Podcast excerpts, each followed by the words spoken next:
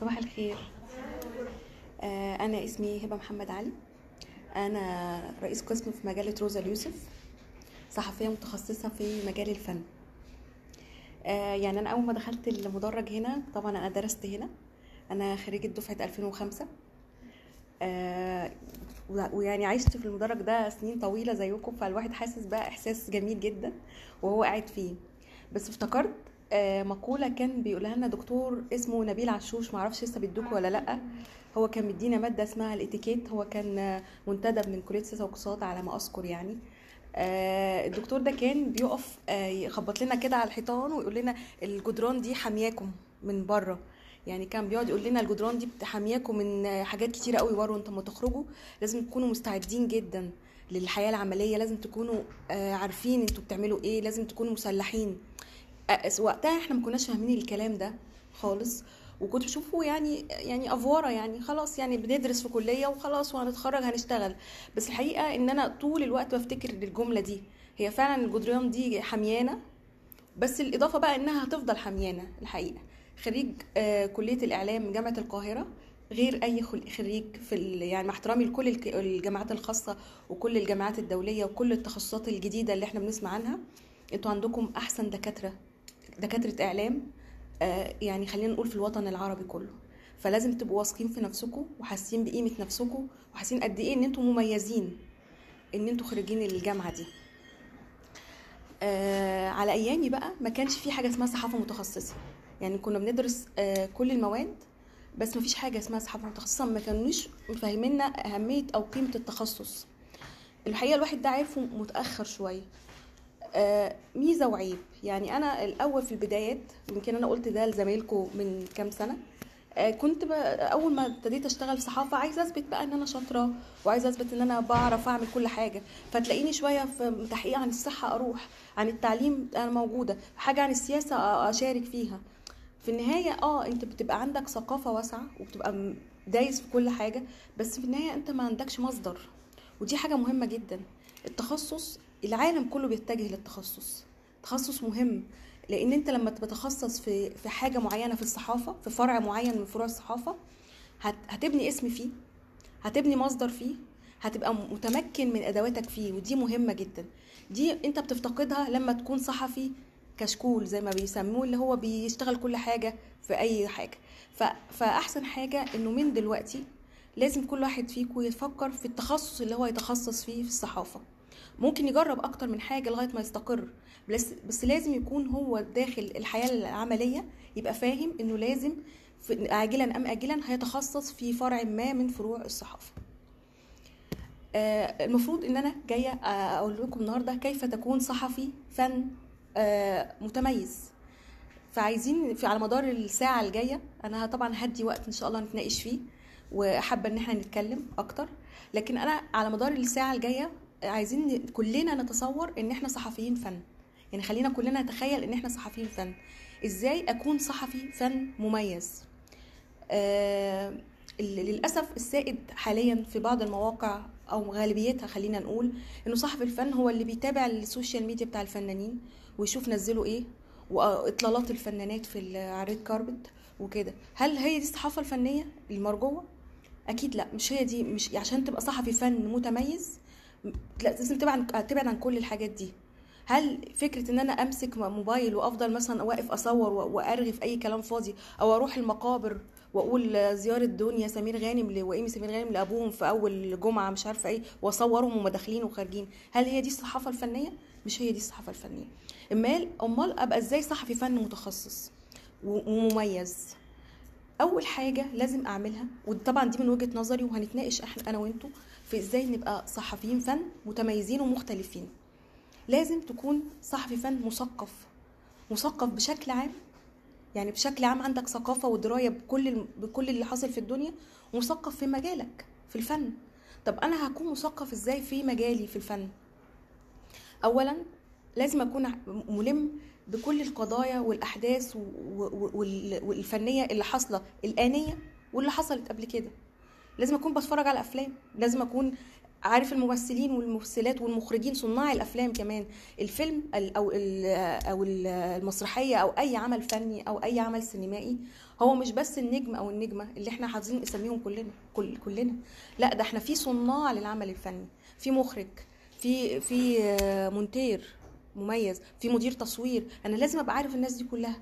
لازم أعرف أشوف ده عمل إيه قبل كده. وازاي تطور. كل ده لازم أنا ببقى عارفه. من الشغلانة هتلاقي نفسك دايس في الحتة دي. الناس دول هم يعني الهدف بتاعك ولازم تبقى عارفه.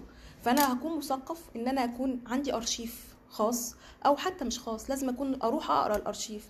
في دار الكتب في في أي مكان في أي جورنال أي صحيفة في أرشيف خاص بيه. أنت ممكن تروح تختار قضية فنية معينة مواجهة الإرهاب مثلا في التسعينات وإزاي مثلا يعني بديكم مثال وإزاي عادل إمام راح في الصعيد في وقت ال- ال- الهجمة الإرهابية وراح عرض مسرحية هناك مثلا. تعال نشوف الصحافة تناولت ده إزاي مثلا. فهروح أرشيفي أو حتى هدور على النت أشوف الصحافة تناولت إزاي ليه عمل كده؟ أسمع له لقاءات. فيبقى عندي معلومة كاملة عن قضية فنية حصلت في وقت ما. على مدار التاريخ في قضايا فنية كتيرة بقى. أنا لازم أرجع لها في أرشيفها أسمع حوارات أصحابها أقرأ أقرأ آه، ما كتب عنهم في الصحافة عشان أبقى أنا صحفي فن عندي خلفية ثقافية. طيب إيه تاني؟ لازم أكون ملم كمان بالقضايا الآنية. يعني إيه؟ يعني الصحافة في في مشكلات بتطرأ. مؤخرا حصل مشكلات بسبب عروض أفلام. مش عارفة عندكم فكرة ولا لأ؟ إيه إيه الفيلم اللي مؤخرا عمل مشكلة؟ فيلم ريش. عمل مشكلة كبيرة بعد ما اتعرض في الجونة. وفي فيلم أميرة. في في حاجة ثالثه بقى لازم نبقى عارفين. أميرة طبعا آه، حصل بسببه مشكله لأنه الفلسطينيين لو لو أنتوا أكيد ما شفتوش الفيلم أنا شفته في الجونة. هو الفيلم بيحكي عن تهريب النطف من السجون الإسرائيلية وإزاي إنه السجين ال- الأسير الفلسطيني بيبقى عايز يخلف بره عشان يبقى ليه امتداد ويبقى فيه يعني ناس كتير تحمل الراية بعد من بعده فبيهرب النطفة. ففي قصة الفيلم في حبكة الفيلم آه، ال- ال- ال- الجندي الإسرائيلي بدل النطفة وبدات البنت دي من أب إسرائيلي مش من آه، مش أبوها الفلسطيني. واكتشف ده فيما بعد لما تعرف إن الأب ده يعني عقيم مش بيخلف. فدي قصة الفيلم. اثبت مشكلة ليه؟ لأن الفلسطينيين آه، حسوا أو الولاد دول اللي هم أولاد النطف المحررة زي ما بيسموهم حسوا إن هم كده بيطعم في نسبهم كلهم فحصل مشكلة. طب شافوا الفيلم؟ للأسف ما شافوش. واللي عملوا مشكلة على فيلم ريش شافوا الفيلم؟ ما شافوش. سمعوا بس كلمة شريف منير. فدي مشكلة. أنت ممكن أنت ممكن تتصدى للمشكلة دي بإن يا جماعة لازم تشوفوا وانتقد زي ما أنت عايز بس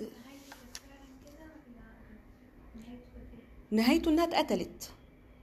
نهايته إنها اتقتلت لأن هي لفظت أو رفضت من المجتمع الفلسطيني ورفضت برضو من فهو أصلا ممكن يكون عايز يوصل لك رسالة إنه إنه مفيش أي حاجة ممكن مشتركة تجمع ما بين المجتمعين. بس أنت لما تتفرجي وتفكري هتلاقي إن في رسائل خفية والفن مش لازم يكون مباشر. فما ينفعش إن أنا أقيم الفن بتقييم أخلاقي إنه لأ ما ينفعش تقول كده ينفع تقول كده. ال- الطريقة دي في التناول الفني خاطئة أساسا. فدي دي نقطة مهمة جدا. مفيش قطبية يعني يا صح غلط مفيش صح وغلط مطلق. لأن الحياة مش كده أصلا. ومفيش بني آدم خير طول الوقت مفيش بني آدم شرير وطالع له قرنين طول الوقت. فهو الحياة ك- مش كده. فلازم أي حاجة بتبقى موجهة ما بتبقاش صادقة. فأنت لازم تبقى الحاجة آه، طبيعية فيها الصح وفيها الغلط. فدي مشكلة من المشكلات. لازم أنت تسعى إن أنت تشوف الفيلم. لو مش متاح تقرأ عنه تفهم المشكلة عشان تبقى في ال background بتاعك. في مشكلة خطيرة جدا. مؤخرا حصلت مع فيلم سعاد. مش عارفة أنتوا تسمعوا عن الفيلم ده ولا لأ. هو اللي آه، اتعرض قبل كده آه، في برلين والمفروض كان مرشح مصر في الأوسكار. وبعدين آه، أي فيلم عشان يترشح في الأوسكار لازم يتعرض في بلده الأول. وللأسف السنة بتخلص والفيلم لم يتمكن من عرضه واتسحب من ترشيحات الأوسكار. وكده مصر ما بقاش عندها أي فيلم يرشح مرشح ليها في الأوسكار. طب اتسحب ليه؟ اتسحب عشان في خلاف ما بين صناع الفيلم آه، منتج الفيلم سجل ال- الفيلم باسمه وإن هو المؤلفه وسلب من المؤلف حقوقه ففي نزاع على ملكية الفيلم فبالتالي النزاع ده لم يمكن أصحابه من عرض الفيلم وفي نزاع قضائي ما بينهم فتوقف الفيلم عن العرض وانسحب من الأوسكار.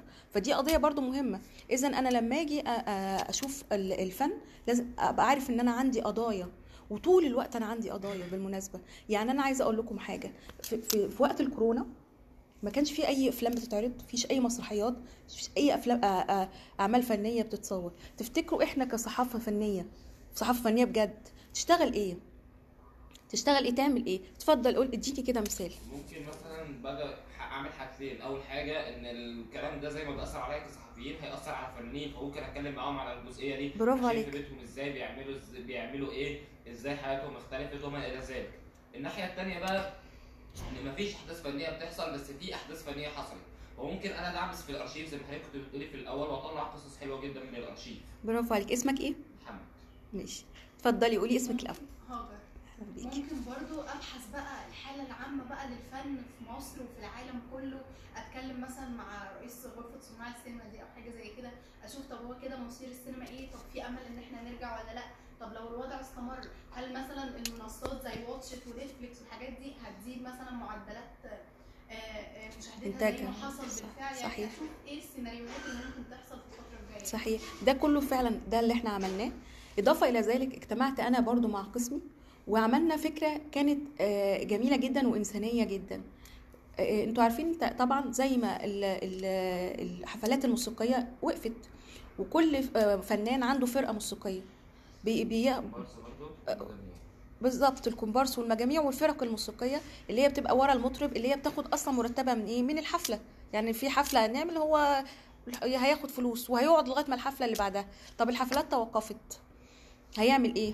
روحنا روح يا جماعة دوروا لي على الفرق الموسيقية الناس دي بتعمل إيه دلوقتي؟ والنقابة دورها إيه معاهم؟ ومين الفنان اللي دعم؟ ومين الفنان اللي فضل مرتب مرتب فرقته ماشي؟ ومين الفنان اللي توقف وقال لهم ماليش دعوة؟ كل ده كشفناه ولقينا إن فوجئنا إنه مثلا في ناس اشتغلت وقفت على عربيات فول وناس اشتغلت أوبر وناس تقول لأ النقابة ما بتدعمناش وناس تقول لأ آه، النقابة بتدعمنا آه، بمبلغ مالي زهيد جدا. كل ده كان عمل حراك شفنا مين مثلا؟ محمود الليثي. لا بي بيفضل يديهم مرتب شهري. فلان مرضاش يديهم ووقف وقال لهم مالكيش دعوة بيكم. ف آه نشرنا كل حاجة. كل اللي ما جه على لسان الناس نشرنا اسمه. فبالتالي انت... نعم؟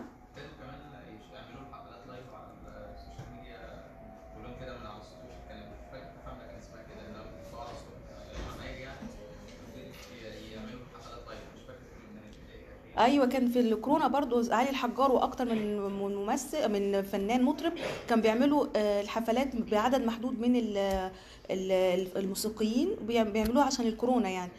بيعملوها آه فطلع طلعها لايف أيوه. أيوه ده كان حل من حلول ال- ال- يعني عشان نشتغل في الكورونا. فالقضايا الفنية مستمرة. حتى لو الفن متوقف انت انت هتشتغل. فانت لازم تخلق قضية. ولازم يا جماعة ودي النقطة الثانية اللي أنا عايزة أقول لكم عليها لازم تروح للزاوية الأبعد. دائما روح للزاوية الأبعد. اوعى تروح للحاجة اللي كل الناس هتفكر فيها. بمعنى إيه؟ نبتدي ندي أمثلة. في كل سنة في ذكرى بليغ حمدي الناس بت... بت... ممكن تتناول الذكرى إزاي؟ تحكي حكاية أغنية مثلا تحكي حكاية حبه مع وردة تحكي حكاية ال... ال... ال- الحادثة الشهيرة بتاعته. حد عنده فكرة عن الحادثة اللي حصلت في في آخر حياة بليغ حمدي وأثرت عليه؟ بالظبط كده. في مطربة ناشئة أو يعني لسه ما كانتش معروفة اسمها سميرة ميان دي مطربة مغربية وهو آه، كان آه، دا- دايما فاتح بيته ودي من الأسباب اللي خلت إنه حياته الزوجية ما تعمرش ودايما فاتح بيته وممكن يخش ينام ويسيب عنده ضيوف. والضيوف يفضلوا سهرانين للصبح. ممكن يجيله فكرة لحن يخش يقفل على نفسه والبيت بيتكم يا جماعة. ففي هذه الليلة المشؤومة دخل نام وكان في صديق ليه يعني ساري عربي وكان سميرة دي وكان تقريبا بينهم علاقة أو وهكذا المهم حصلت خناقة ما بينهم. رماها بقى انتحرت. يعني النتيجة إن هو صحي من النوم لقى هذه الكارثة. نعم؟ لا جريمة قتل بالظبط كده. فبالتالي حكم عليه وط- وط- وطلع بره خرج بره عشان ما يتحبس لأنه اتحكم عليه آه، بالسجن وعاش في فرنسا. أنا آه، طبعا كانت لافته نظري جدا الحكاية دي وهي اتحكت كتير وكل ذكرى بتتحكي يعني ومن غير الذكرى دايما بيتحكي حكاية سميرة ميان دي وبليغ حمدي. طيب أنا دلوقتي في الذكرى ال 27 من رحيله. عملت أنا أكتر من حوار مع ناس كانت عايشة بليغ حمدي منهم مثلا عفاف راضي كانت في حوار من حواراتي معاها قالت لي إنه آه، كان بيبقى صعبان عليه قوي لما يكون في حفلة نصر أكتوبر أو أي حفلة قومية وهو مش مشارك فيها لأنه كان طوال عمره بيشارك لازم بلحن أو بأغنية. وقالت لي إن هو أحيانا كان آه، يبعت لي آه، نوت موسيقية على أغاني إن أنا أغنيها أغنيها يعني هنا في الحفلة وهو يبعتها لي من بره مع صديق. يعني شوف هو حريص قوي إن هو يكون آه، يكون يعني مشارك في في الحفلات اللي زي دي. فقلت لها مين الصديق؟ قالت لي صديق لي آه، مغربي أو تونسي على ما أذكر. أنا فضلت أدعبس على مين الصديق ده لأن حسيت إن هي دي الزاوية الجديدة. من هذا الشخص الذي كان آه، بليغ حمدي بيأمن له وبيبقى عايز ممكن يديله آه، النوت الموسيقيه يوصلها هنا مصر. وهو ملازم ليه بقى في فرنسا. اكتشفت إن هو إعلامي تونسي اسمه لطفي البحري. عن طريق أصدقاء قدرت أوصل لطفي البحري وأجريت معه حوار كان من أهم الحوارات اللي هو المفروض إن أنا خدت عليه جائزه النقابة السنة دي. آه إن شاء الله آه اسمه بس للأسف أنا ما جبتلكوش الحوار كله. هو كان ثلاث صفحات أو أربع صفحات. لطفي البحري ده إعلامي تونسي حكالي عن الأيام الصعبة اللي قضاها بليغ حمدي في منفاة خلينا نقول إلى أن عاد مرة تانية لما طبعا خد آه يعني زي يعني آه، طمنوه جاله طمأنة إنه تعالى وهنعيد المحاكمة وتم إعادة المحاكمة واتحكم بالبراءة. ويعني الحمد لله يعني رحل بعد ما آه، ما خد البراءة وكانت الدنيا مشيت تمام. بس عاش أيام صعبة وفترات صعبة ما كانش حد يعرف عنها حاجة. فاكتشفنا بقى من حوارنا مع بليغ حمدي إن قد إيه إنه آه، ناس كتير بعدت عنه ناس كتير خانته.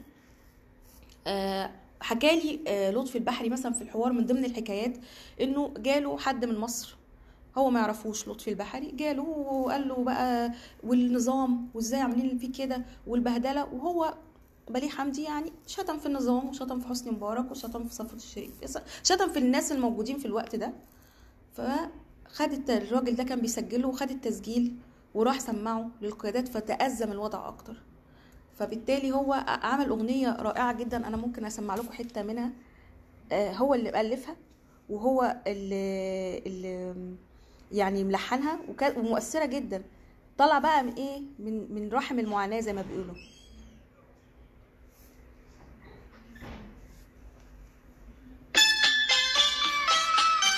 معاكم حتة وأنا صغيره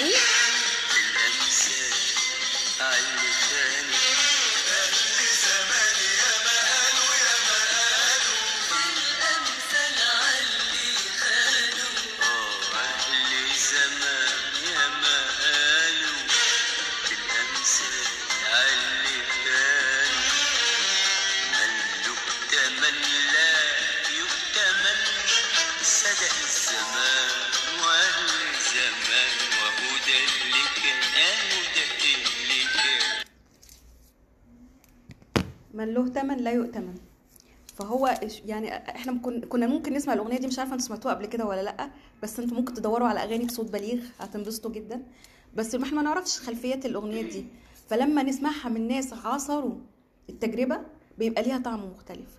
فلما حصلت على هذا الرجل يعني كان بالنسبة لي غنيمة وعملت معاه الحوار الحمد لله الحوار وقت ما نزل كان ليه صدى كبير جدا.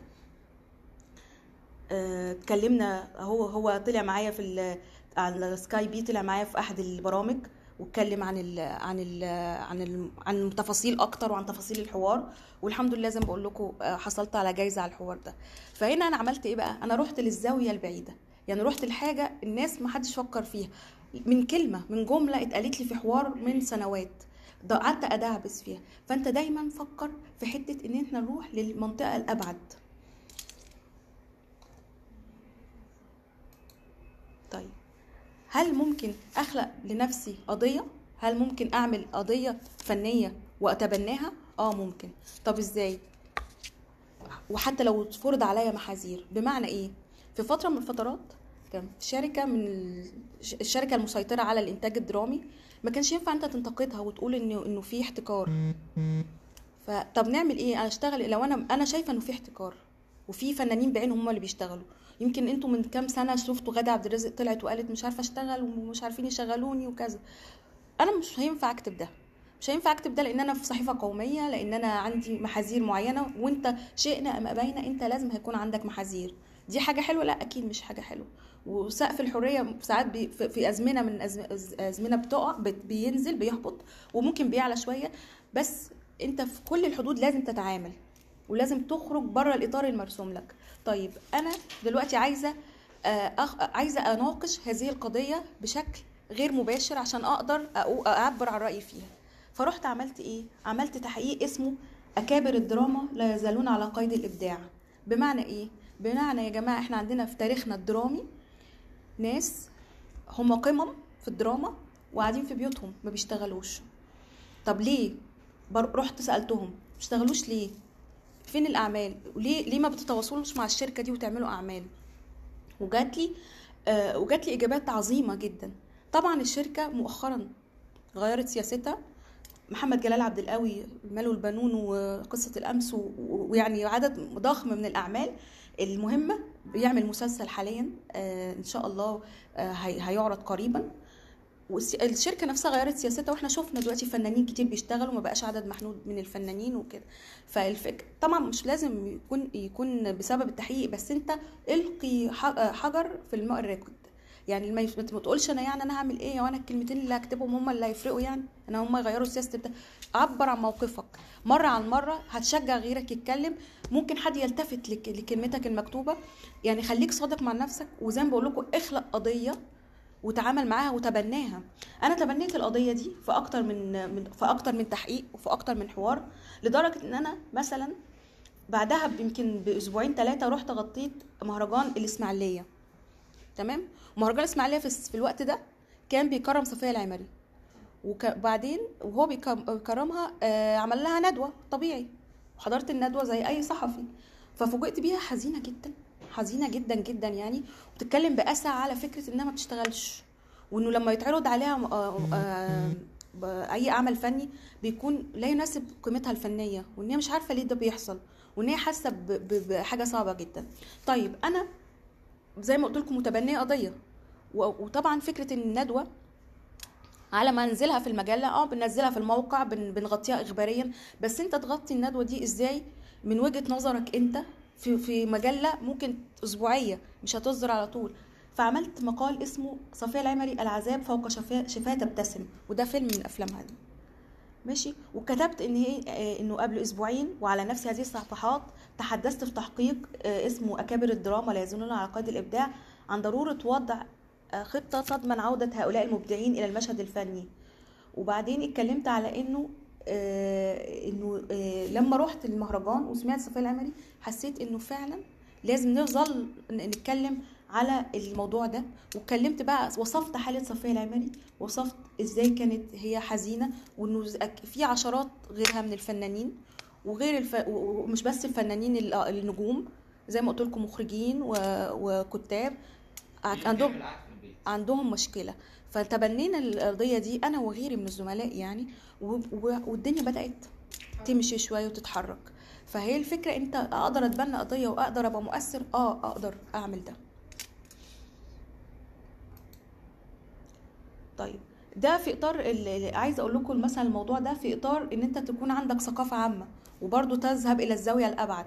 يعني كل سنة برضه في أسامة في ذكرى أسامة أنور وكاشه نتكلم عن المسلسلات والشهد والدموع وليه ما بقاش عندنا ناس كتاب يكتبوا كده. بنعمل حوار مع بنته نسرين بنعمل حوار مع زوجته هكذا. لا أنا رحت بقى لزاوية أبعد خدت مني مجهود شوية بس صراحة مجهود ممتع.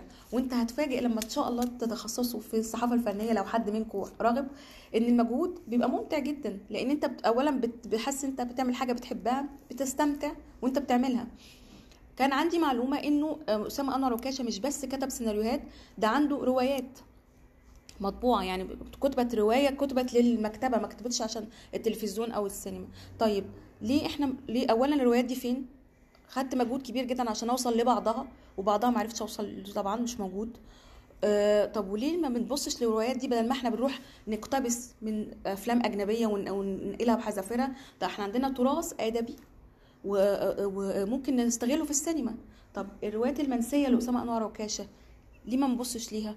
قريت لي كام رواية اللي أنا قدرت عليهم واتكلمت عنهم. فوجئت إنه مثلا آه، في في رواية اسمها سوناتا سوناتا تشرين. آه، دي رواية مثلا لقيت د- أستاذ عاطف بشاي بيكلمني بيقول لي أنا فعلا شغال عليها. انت انت يعني ليه لفت نظر الناس أنا أنا شغال عليها وعايزة اعملها ومش عارفة إيه؟ فوجئت ان مثلا الشروق دار الشروق تواصلت مع نسرين ابنة أسامة أنور بتقول لها هاتي النسخ نطبع لك يعني تعالي نطبع نطبعها مجددا وننزلها في مكتبات الشروق. حاليا بيتم تصوير آه، فيلم آه، من سيناريو أسامة أنور وكاشه الله يرحمه. لو لو على ما أذكر اسمه الباب الأخضر. فأنت فبرضه حصل حرج. طب المو- الموضوع ده صفحتين أو ثلاثة خد مني مجهود كبير جدا في قراية الروايات دي بس في النهاية أنت حسيت أنت عملت حاجة مؤثرة حسيت أنت ممكن تغير حتى بكلماتك البسيطة.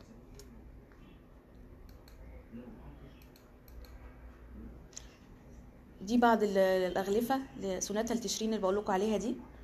آه، وفي طبعا مقاطع من أغنية قديمة دي مجموعة مجموعة قصصية. تقريبا من أول ما كتب. يعني الحاجات دي كلها جميلة جدا وهتلاقوها على النت برضو. لو قريتوها هتلاقوها آه، فعلا ممتعة. وبالمناسبه انت لا انت لازم تفكر انت تقرأ سيناريو. يعني أنا مثلا إيه أنا مش يعني مش هكتب سيناريو لكن أنا لازم أقرأ سيناريو. بتزيد ثقافتك. آه، في مرة لقيت إنه آه، في مجموعة نازلة لصلاح جاهين من ضمنها كتاب سيناريو هو وهي. فاشتريته قد إيه استمتعت. وممكن كنت بفتح الحلقة بعد ما أقرأ السيناريو أشوف غيروا إيه وأشوف آه، إزاي آه، آه، صلاح جاهين بيكتب وصف وصف ال- ال- المشهد الراديو مش عارفة إيه على أغنية إيه والستارة لونها إيه بيكتب كل حاجة. مش أي برضه مش أي كاتب بيعمل ده. فأنت ممكن تعرف أسلوب الكاتب من سيناريوهاته. فلطيف قوي. أنت لو عملت download للسيناريو وقريته ورجعت اتفرجت كل ده بيزيدك ثقافه طيب لما جيت لكم جيت لزمايلكم يعني قبل كده من من كام سنة آه، سئلت سؤال لطيف جدا. قالوا لي إن كنت بتكلم عن المهرجانات اللي أنا بسافرها وإزاي إن بروح بحضر مهرجانات بره وكذا. فقامت آه، بنت آه، جميلة وسألتني قالت لي إزاي المهرجان يكون دعيني وأنا آه، آه، أغلط فيه. من فكرة إن المهرجان هو اللي بيدعيك عشان تغطي الفعالية دي بتبقى مكبلة ليك فمش هتقدر تنتقد. هل هل الفكرة دي صحيحة يا جماعة؟ يعني أنا لو رايح مكان مدعو ليه هل ده معناه إن أنا ما أقدرش أنتقد أي حاجة فيه غلط؟ أنا صحفي وأنا هو مش بيدعيني عشان يفسحني هو بيدعيني عشان هغطي له الحدث فهو مش عامل مش عامل معايا جميلة. فبالتالي أنا لما أروح وألاقي حاجة غلط غلط فج كمان يعني مش هتلكك أنا مش رايحة أتلكك لكن لما ألاقي غلط فج لازم أتكلم لازم أقول. وحصل قبل كده في دورة من دورات آه، مهرجان شرم الشيخ أنا اخدت الطيارة وروحت ومشيت لأن لقيت تهريج. وده أما رحت أما كت- رجعت كتبت عن هذا التهريج طبعا زعلوا مني وحصل مشكلات و... وإزاي تكتبي كده؟ بعد كده بعد سنتين مثلا لقيت القائمين على المهرجان جم وكل... وتأسفوا لي قالوا لي فعلا كان عندك حق وكان في مشاكل كتير في الدورة ونأمل إن انت تحضري معانا الدورة الجاية وتشوفي الدنيا ماشية إزاي وكذا. فلا أنت صحفي لازم تكون قلمك حر فعلا. حتى لو اتعزمت أو ما اتعزمتش ده ملوش ما يأثرش على موقفك. طالما الحاجة الغلط خطا فج مش هتتلكك مش هتعمل مش هتعمل يعني من الحبة قبة زي ما بيقول بس لو لقيت حاجة. فيها مشكلة لازم تقول. طيب أنا مثلا هديكم مثال هنا. أنا بسافر الجونة كل سنة وبحضر وبي- وب- وب- وبيتم دعوتي. طيب السنة اللي قبل اللي فاتت آه، كان في مشكلة إنه آه، هم دعوا آه، ممثل فرنسي. والممثل ده في مشكلة إن هو مناصر للصهيونيه أو في بعض الناس اللي يعني آه، شافت إنه ما يصحش إن يتم تكريمه آه، في في مهرجان مصري. طيب هل معنى كده إن إحنا ما نغطيش القضية؟ لأ. أنا قبل ما أروح أول ما اثيرت الأزمة قلت اتهامات التطبيع تطارد مهرجان الجونة. ورحت كلمت فريق من الناس اللي كانت ضد وجود لاروش ده. آه، كان منهم علي بدرخان وأكتر من من اسم مهم. ورحت كلمت برضو ناس بتقول إيه المشكلة لما يتم تكريمه. ف ف وجبت الرأي ده وجبت الرأي ده. طيب وبعدين كملت إزاي؟ لما رحت هناك بقى رحت كلمت أمير رمسيس اللي هو المدير الفني للمهرجان. هو استقال يعني مؤخرا في الدورة الأخيرة لكن وقتها كان هو المدير ال- ال- بتاع المهرجان مدير الفني وهو قال لي زيارة إسرائيل ليست ضد القضية الفلسطينيه وقال لي إنه عادي جدا إنه آه، يبقى في حد يزور إسرائيل و- ومش لازم يكون ضد القضية الفلسطينية وإحنا مش مش شايفين مش شايفين إن في مشكلة من تكريم هذا الممثل. فالفكرة إن أنت ممكن تتناول القضية عادي جدا ما تقولش لا مش احسن ما يعزمونيش. لا ما ينفعش أحسن يزعلوا مني. لا أنت خليك حيادي وتناول القضية بشكل حيادي. العنوان معنى زيارة إسرائيل دي إحنا كده اعترفنا بدولة إسرائيل أصلا. اولا ده التصريح ده منسوب لأمير رمسيس. تمام. ما أنا نقلت عنه يعني أنا متبنية وجهة نظره أو أنا طبعا لأ. فكرة أنا في في آه أنت ممكن تكتب في العنوان حاجة غريبة جدا وتحط بعدها علامة وأنا بمهد رسالة يعني غير مباشرة. لز... لأ خالص. خالص ده, ده أنت عامل موضوع قبلها بتقول إن في اتهامات تطبيع جايب رد. انت مش بتمهد انت انت انت حيادي. انت بتنقل وجهة نظر قلت ن- وجهة نظر المعترضين وقلت وجهة نظر ال- هي اتهامات ما ممكن تكون رسالة غير مباشرة. بمعنى إيه؟ إيه اللي رسالة غير مباشرة؟ بمهد للتطبيع بمهد عقل قارئ التطبيع أنا كصحفي بمهد عقل قرار التطبيق إزاي؟ أنا أولا في العنوان اعترفت بدولة إسرائيل. أيوه. تمام؟ آه، ثانيا أنا جيت قلت اتهامات. ممكن تكون واقع حقيقي مش هي ممكن يكون في خفية لده. كل الاحتمالات واردة. انت مش بتبني بس هي في في النهاية إيه؟ مجرد اتهامات. غير بس طالما مفيش حاجة ثبتت ما ينفعش تقول ما, تقولش ما تقولش إنها غير اتهامات ما تقولش إنها حقيقة واقع. هي اتهامات. ممكن تكون الراجل اولا الراجل ده لما أنا بحثت لقيته إنه أصلا كان كان مسيحي وبعدين الحد رجع أسلم شوية وبعدين رجع. يعني هو أصلا شخص في حياته مذبذب. ففكرة إنه راح زار إسرائيل ده مش هو مش متبني أي قضية. وأول ما طلع على المسرح يوم التكريم قعد يقول السلام عليكم ودي تحيتكم ومش عارفة إيه. هو شخص حياته ملخبطة نوعا ما. فهو مش متبني أي قضية بس هو راح زار مكان زي أي مكان. فأنا مش بدافع عنه. بس فكرة إن حد يزور مكان وما قلتش رأيي على فكرة أنا ما قلتش رأيي. ده وده والتصريح منسوب لأمير رمسيس هو قال كده. هو قال إسرائيل. لكن أنا ما تبنيتش حاجة وأنا ما دافعتش عنه وأنا ما قلتش رأيي على فكرة. لو أنا هقول لك أنا رأيي دلوقتي أنا شايفة إن الراجل فكرة إن حد يزور إسرائيل دي مش جريمة. لا خصوصا إن هو مع الراجل الفرنساوي ده ما عندوش مشكلة مع إسرائيل. هو عنده دولة قايمة دولة قائمة وهو راح زارها. إحنا اللي عندنا إحنا كعرب اللي عندنا مشكلة مع الدولة ان إحنا شايفينها كيان مغتصب واغتصبت أرضنا كفلسطين. لكن أنا هجيب واحد أمريكاني أو واحد فرنساوي هخليه يتبنى قضيتي أنا وأقول ما تزورش المكان ده ولو زرته تبقى أنت عندك مشكلة. هو ماله؟ هو مش ما عندوش مشكلة. هو مش مشكلته. أنا عندي مشكلة كعربي.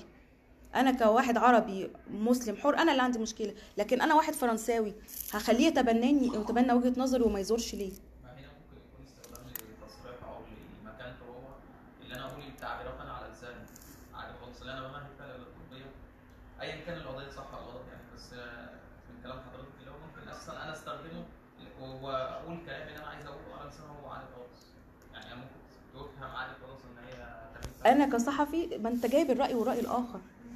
أنا لسه مقول... لو أنا كاتبة مقال يبقى ده رأيي. لكن لو ده حوار أنا بكون حيادية وجبت الرأي والرأي الآخر.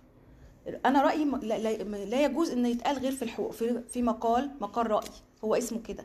لكن طول ما هو حوار لازم وبعدين استخدام كلمة إسرائيل دي بتستخدم في الصحف. السفارة مكتوب عليها السفارة الإسرائيلية موجودة هنا عندنا في القاهرة. فأنا فكرة إن أنا استخدمت كلمة إسرائيل بديلا عن الكيان الصهيوني ده مش اعتراف.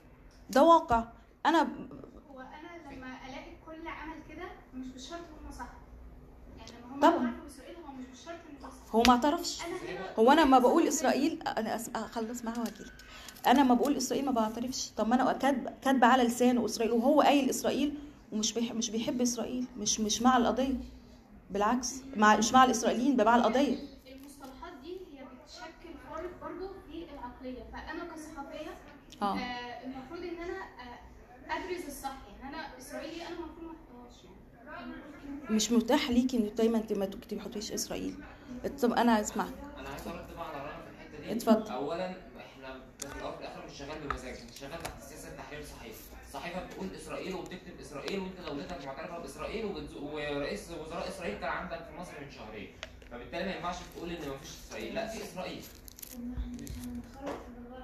أنا مش ذنبي. هو أصلا ما الكيان موجود يا جماعة. هو الكيان موجود. بالظبط. أنت مش م... مش مش عايز تبقى موجود وبتتمنى إنه يزول وتتمنى الدولة الفلسطينية دي حاجة وفكرة إن أنت تغيب عقلك وتقول مش موجود ومش هكتبها عشان وبعدين هتبقى موجودة حتى لو ما انت ما كتبتهاش. هو موجود بس تمام هو محتل لكن مش كدولة. إيه؟ هو محتل لكن مش كدولة. أنا مش معترفة بيه كدولة وإحنا كعرب ما نعترفش بيه كدولة. لكن الوضع القائم إيه؟ انت نفسك مش مش حابب. لا. رافضين ومش معترفين بيه كإيه؟ ك... طيب ما فيش تطبيع ما هو بيقول لك ده مش ده مش تطبيع لكن هل هي موجودة ولا لا؟ موجودة. هي دولة موجودة مغتصبه آه لكن هي دولة موجودة. في حاجة اسمها دولة إسرائيلية في عملة إسرائيلية شكل في ناس بتعمل بالعملة دي في في ال- الإسرائيليين بنشوف مشاكلهم طول ال- الفلسطينيين بنشوف مشاكلهم طول الوقت في أفلامهم. يمكن لسه في أفلام فيلم أميرة اللي بنقول عليه أفلام كتير 200 متر أو كذا بتتعرض طول الوقت بن وبنكتب على الأفلام دي إن إحنا فرحانين إن دي صرخة فلسطينية ضد العدوان الإسرائيلي. لكن هو عدوان إيه؟ ما هو إسرائيلي. وإسرائيل إيه؟ دولة مقيمة مغتصبة آه بس موجودة. كوني إني أكتب دي دي شكليات إحنا فاكرين إن هي دي دي مناصره القضية. مش مش فكرة إن أنت ما تكتبش إسرائيل كده أنت بتناصر القضية. لا أنت ممكن تناصر القضية بطرق تانية وتكتب إسرائيل وتشتمها عادي.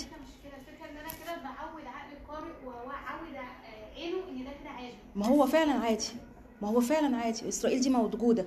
بس عادي موجودة إيه؟ بشكل إيجابي ولا سلبي؟ لا سلبي. يعني أنا أقول له آه إن إسرائيل موجودة أنا هضحك عليه ليه؟ ما هي إسرائيل موجودة. لكن موجودة دي افرح بيها وت- وتقبلها لا. بس لازم تبقى عارف إن موجودة وعدو قائم. لكن أنا انت بطريقتك أو بطريقة الناس اللي مش انت كشخصيا اللي بيقول لك ما تكتبش إسرائيل أصل كده أنت بتعود القارئ بعوده على إيه؟ ما هي موجودة. لكن أنا لازم أوجهه إنه وجودها غير مرغوب. طيب بس هي دولة قايمة. دولة قايمة مغتصبة لدولة بس هي موجودة. لازم أقول له إنها موجودة. هنسعى إزاي إن ربنا يكرم؟ يا حبيبتي هي مغتصبة لكن هي قائمة. فأنا مش هضحك عليكي وأقول لك إنها مش دولة. هي دولة قائمة بس قائمة على اغتصاب ده ما أنا شايفة ده. ففكرة إن أنا مش هكتب إنها إسرائيل موجودة يبقى مش هيغير من الواقع شيء. لكن أنا لازم أكتب لك إن إسرائيل وأقول لك إن إسرائيل دي مغتصبة جوه عادي دولة مغتصبة وإن دي ولما ألاقي فيلم بيناصر القضية الفلسطينيه أكتب عنه بشكل آه، إيجابي وأقول وأشرحه وأبينه للناس. كل ده بناصر القضية الفلسطينية من غير شكليات فارغة. يعني مع احترامي ليكي أنا مش بقول عليكي انت أنا بقول على الناس اللي بتقول لك إيه ما نكتبش إسرائيل. طب بعد ما نكتبش. فاهماني؟ فأنا هتجاوز النقطة دي. لا شغال. فأنا بس عايزة أقول لك إنه ما توقفيش على الصغائر. انت نصر القضية برضو بشكل أذكى من السابقين ما نصروها. ما كل ما انت عندك آه، الناصريين و... والناس اللي يعني ناس مخ... آه، توجهات مختلفة. قال لك ما... اوعى تقول إسرائيل. اوعى مش عارف. طب بعدين؟ ما هي فضلت وفضلت وكل سنة هي موجودة وطول الوقت هي موجودة.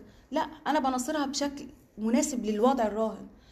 انت دلوقتي الناس كلها يعني عارفة إن إسرائيل موجودة. أنا عارف في كياني وبزرع في ولادي إنه آه موجودة لكن هي كان مغتصب هو أنا لما قلتش اسمها هنفيها من الوجود؟ فبضحك على نفسي. لا أنا هقول اسمها بس أنا آه، هقول اسمها واقولها بشكل سلبي. هقول إنها هفضل أقول إنها كيان مغتصب فذكر كلمة إسرائيل لن يضر القضية الفلسطينية. ذكر إنها دولة آه هي دولة قائمة على إيه؟ على الاغتصاب بس هي دولة ليها سفرائها في الدول ف- ليها ليها حكومتها ليها عملتها. طب أنت أنت قناعتك بتقول إنها مغتصبة؟ آه وأنا قناعتي بتقول إنها دولة مغتصبة. بس أنا ما قلتش إسرائيل هيغير الواقع؟ لا هنزيف الواقع. الواقع بيقول كده قول اسرائيل بس اشتم فيها اشتم فيها برضه بالطريقة يعني صحفية. لكن فكرة لا ما نقولش إسرائيل عشان ما نثبتش بتاع نثبت إيه يا جماعة؟ دي متثبتة مثبته جدا يعني. ده ده إسرائيل هي بتدير العالم. ده أمريكا إسرائيل بتديرها. فيعني إحنا خلينا نكون واقعيين أكتر من كده. ومش ببقى مبسوطه بسؤالك على فكرة. طيب برضو في إطار آه، فكرة إن أنت ممكن تنتقد آه، حاجة أنت معزوم فيها أو موجود فيها. الدورة الأخيرة من مهرجان القاهرة آه، أنا لقيت إنه في انتقادات كتيرة قوي بتوجه بعد ما أنا كتبت الأسبوع اللي قبلها بس للأسف نستجيب لكم الموضوع ده كتبت عن مبسوطة بالأفلام الموجودة وال... وفي تطور في المهرجان وكذا. طيب لما حضرت أربع خمس أيام من المهرجان لقيت في مشاكل. مشاكل إيه؟ مشاكل ال sold out بتبقى التذاكر متاخدة مش عارفة حد بي... حد حضر أي عروض من مهرجان القاهرة الأخير. لازم تحضروا يا جماعة. ده اولا أفلام مش هتشوفوها خالص في السينمات. من دول ما بتعرضش خالص افلامها هنا ثقافات مختلفة. أنت بتسافر دول كتير وأنت قاعد في مكانك. وهو مهرجان القاهرة في الأوبرا جنبينا مش بعيد. فلازم من السنة الجاية تعمل حسابك إن أنت تعمل كارنيه وتحضر. عشان ده بيوسع مداركك بيوسع ثقافتك السينمائية. طيب أنا بعد ما كتبت بشكل إيجابي لما رحت بقى على أرض الواقع لقيت في انتقادات كتير بتوجه للدورة في مشاكل كتير. طيب أنا بقى رحت جايبة آه، مدير الفني للمهرجان برضو وعملت المقدمة يا دكتور اللي كانت بتقدم الحفل الافتتاح دي كانت رايحة في 60 دي واحدة من ضمن الانتقادات اللي أنا اللي اتوجهت واتكلمت معاها فيها. لأن هي كمان إيه ده المشكلة مش بس إنها رايحة في 60 داهية المشكلة إنه هي لما طلعت تبرر على صفحتها أيوه قالت إيه؟ ده بالعكس ده أنا ده حفظي لأن الناس كانت بتتهم إن هي شريكة حفظي في, إنتاج بعض الأفلام. قالت لك ده حفظي ما كانش واقف ما كانش موافق وأنا ضغطت عليه بشكل آخر. وأنا سألت طبعا أنا سألت مدير فني المص... إيه إيه يعني إيه طبيعة طبيعة النواصب اللي بتيجي عندكم بالضغط؟ عشان أضغط أنا كمان و... وآخد محصل على المنصب بقى ونشوف أي حد محتاج حاجة يضغط. بالظبط. فدي كان من ضمن فعلا الانتقادات اللي, اللي أنا وجهتها لل- للمدير الفني للمهرجان. طبعا هو كذبها وقال إن هي اتفضل. وحاجة تانية كمان إن هي نفسها بررت بالتبرير يعني عذر اقبح من ذنب زي ما بيقولوا. لما قالت أنا ما كنتش أعرف غير قبلها بساعتين طب إزاي اكبر مهرجان في مصر اللي يعتبر المهرجان الوحيد اللي عالمي والعالم كله بيتفرج عليك ساعتها صحيح. إزاي المتحدث بتاع المقدم بتاع المهرجان اللي هو اهم وجهة للمهرجان كله مش معروف ومش مين هو قبلها بفترة ومش مختارينه بناء على أسس ومعايير معينة ومش متدرب ومش حاجات كتير بالظبط يعني. كده بالظبط كده انت بص العنوان شباك التذاكر يرفع لافتة sold out في غالبية العروض والتخبط كان عنوان حفل الافتتاح اللي انت كنت لسه بتقوله كل ده أنا طرحته على طاولة مدير الفني للمهرجان واستنيت منه ردوده ده دي دي الصحافة بقى. ما, ما ينفعش إن أنا أشوف أخطاء فجة قدامي وأقول خلاص بقى أصل أنا الأسبوع اللي فات قلت انهم حلوين ينفع أقول عليهم الأسبوع ده وحشين. أيوه ينفع. لأنه أنا. ما أنا بقولش وحشين. أنا مش واخد مش متبني موقف ضد حد. لكن أنا شفت بعيني والقارئ من حقه إنه يفهم. أنا أصلا بكتب كده ليه؟ أو إيه اللي حاصل بجد؟ ما أنا ما ينفعش أزيف للقارئ واقول له لا والله كل حاجة تمام وزي الفل. يبقى أنا بضحك عليه. فهو فده كان الحوار ده كان هدفه كده. وكان وكان ممكن أكتب الانتقادات بس وخلاص لا أنا حبيت إن أنا أجيب ردود من من من المدير الفني للمهرجان لا خلوا دي شوية. طب دكتور. آه، نرجع شوية لنقطه فكرة المهرجان لما يبقى صارف عليك ومس- آه. ومسافرك على حسابه ومأكلك ومشربك أنا دلوقتي كصحفي صغير. لسه شاب صغير ما ممكن هل يبقى عندي نفس الإمكانية إن أنا أتكلم وأنتقد وأقول اللي أنا عايزه زي ما يكون حضرتك بقالك سنين وفي نفس الوقت مؤسستك كمان اللي شغالة فيها ملهاش علاقة مصالح مع مع الفنانين ولا مع المنتجين وبالتالي يعني إلى حد ما عندك حرية إنك تكتبي لو أنا شغال مثلا في موقع معظم المواقع بتبقى عندها مصالح بشكل أو صحيح. باخر مع المنتجين ومع الفنانين فأنا إزاي أتكلم وأقول اللي أنا عايزه؟ في نفس الوقت الضغط إن أنا لسه ما عنديش ظهر أتكلم فيه براحتي وفي نفس الوقت هتلاقي مؤسستي نفسها بتضغط عليا كمان. إزاي أعمل أوصل التوليفة دي؟ إن أنا ما بقاش مجرد يعني بوق بينقل الكلام اللي هم بي- بيقولوه لي أو وسيلة إن أنا أنقل الهبل اللي الفنانين بيعملوه. يعني في حاجات كتير في وسط منها بيقال عليها إنها هبل. آخر صحيح حاجة مثلا زي منى عرفة أزمتها الأخيرة مع جوزها وقال لك طلقها في الآخر لا ده أنا ما طلقتهاش. وحاجات كده يعني ف وخد من ده كتير بقى مم. وحجاب حاله شيحة ومش عارف آه، ويعني. وأف- وشعر فض- فضايح الفنانين. أيوة. وكده يعني أيوة. اللي هو إيه إزاي أخرج من الدايرة دي مم. بص أنا الموضوع مش سهل ابدا والخروج من دايرة الترند مش سهل على فكرة اللي هو أنا الت- الترند يصنع ونعيش فيه بقى أيام وليالي لغاية ما, ما ينتهي وثم نصنع ترند جديد دي للأسف يعني خلقتها المواقع زي ما أنت بتقول مش سهل التخلص منها. بس زي ما قلت لك انت لازم تذهب للزاويه الأبعد ولازم تخلق لنفسك عالمك طب أنا هعمل ده إزاي وأنا لسه صحفي صغير. هعمله واحدة واحدة. أنا مش هضحك عليك وأقول لك الدنيا سهلة ولا لأ عافر وحارب وهتقدر وبتاع. لأ خدنا وقت طويل لغاية ما قدرنا نثبت ده. خدنا وقت. بس حاولنا. في حاجات كتيره قوي رفضنا إن نعملها. لأ مش عايزه أعملها أو أنا مش هعرف أعملها أو اعفيني من ده. عملنا ده في الأول. ممكن حصل لنا مشكلة. بس المرة اللي بعدها ما حصلكش مشكلة. انت كمان لما تنتقد خليك ذكي في انتقادك. يعني بص زي ما قلت لك كده أنا لقيت إنه في احتكار. بعدت ورحت أنا انتقدت من غير ما حد يقدر يمسك عليا. خليك ذكي في انتقادك. في واحدة واحدة في الأول وبعد كده بعد شوية هتلاقي عندك قدرة وقلمك مؤثر وعندك قدرة إن أنت تنتقد ويتسمع كلامك. فانت بس انت خدها step by step حط في دماغك انت ما تعملش حاجة ما ترضيش ضميرك ما تر- ما ترضيش عنك القارئ اللي ممكن يجي بعد 20 30 سنة يعمل search ويطلع اسمك. دي فكرة على فكرة جات لي أنا في الأول أول ما ابتديت صحافة. كنت عايزة أثبت إن أنا شاطرة زي ما قلت لكم كنت بشتغل كل حاجة. فأي حد رايح يعمل أي موضوع أقول عايز أعمل معاه مفيش مشكلة. كانت موضوعات مش حلوة يعني ما- ما- مش مش مش لا, لا مفيدة وتافهة بس بعملها. بعدين لما جه في مرة قالوا لنا في عدد تذكاري هيتعمل كان اسمه العدد العدد 3000 في مجلة صباح الخير. مجلة صباح الخير طبعا أنتوا عارفينها يعني مجلة قديمة. وكان في عدد تذكاري هيتعمل وجابوا لنا مجلدات وقالت قالوا إيه يعني افتحوا المجلد. آه أنا لما بصيت للارشيف وشفت أقلام فعلا بتكتب كلام وبقيت منبهرة بيه. قلت لا أنا عايزة أكون زي دول. أنا عايزة أكون لما الناس ترجع لأرشيفي تقول لا ده ده فيه اسم مؤثر طلع في الألفينيات ولا 2015 ولا 2010 و- و- وكان مؤثر وكان بيكتب في حاجة فعلا ليها مهمة ولما والناس ممكن ترجع لها. فأنا خدت القرار من ده ومن وقتها توقفت توقفت عن المشاركة في أي حاجة ملهاش قيمة وهدف عشان بس يبقى اسم موجود في المجلة. وابتديت أركز في الحاجات فعلا اللي ليها قيمة. هتتعب في الأول؟ آه هتتعب في الأول. زي ما قلت لك الحيطان دي حمياكم طب إزاي ده هيتماشى مع العدد أو ال- الكميه اللي عاوزها الجريده أو الموقع نفسه كمية بمعنى إيه اللي هو الضخ والطرق التاسك وكده وعايزين كذا موضوع في اليوم والحاجات دي. كشف الإنتاج ما- اعمل اعمل الحاجات اللي ممكن ت... ت... تصريحات تعمل ت... ت... يعني تغطي قضايا اعمل ده كله بس أنا بتكلم على حاجة أنت مش حابب تغطيها يعني.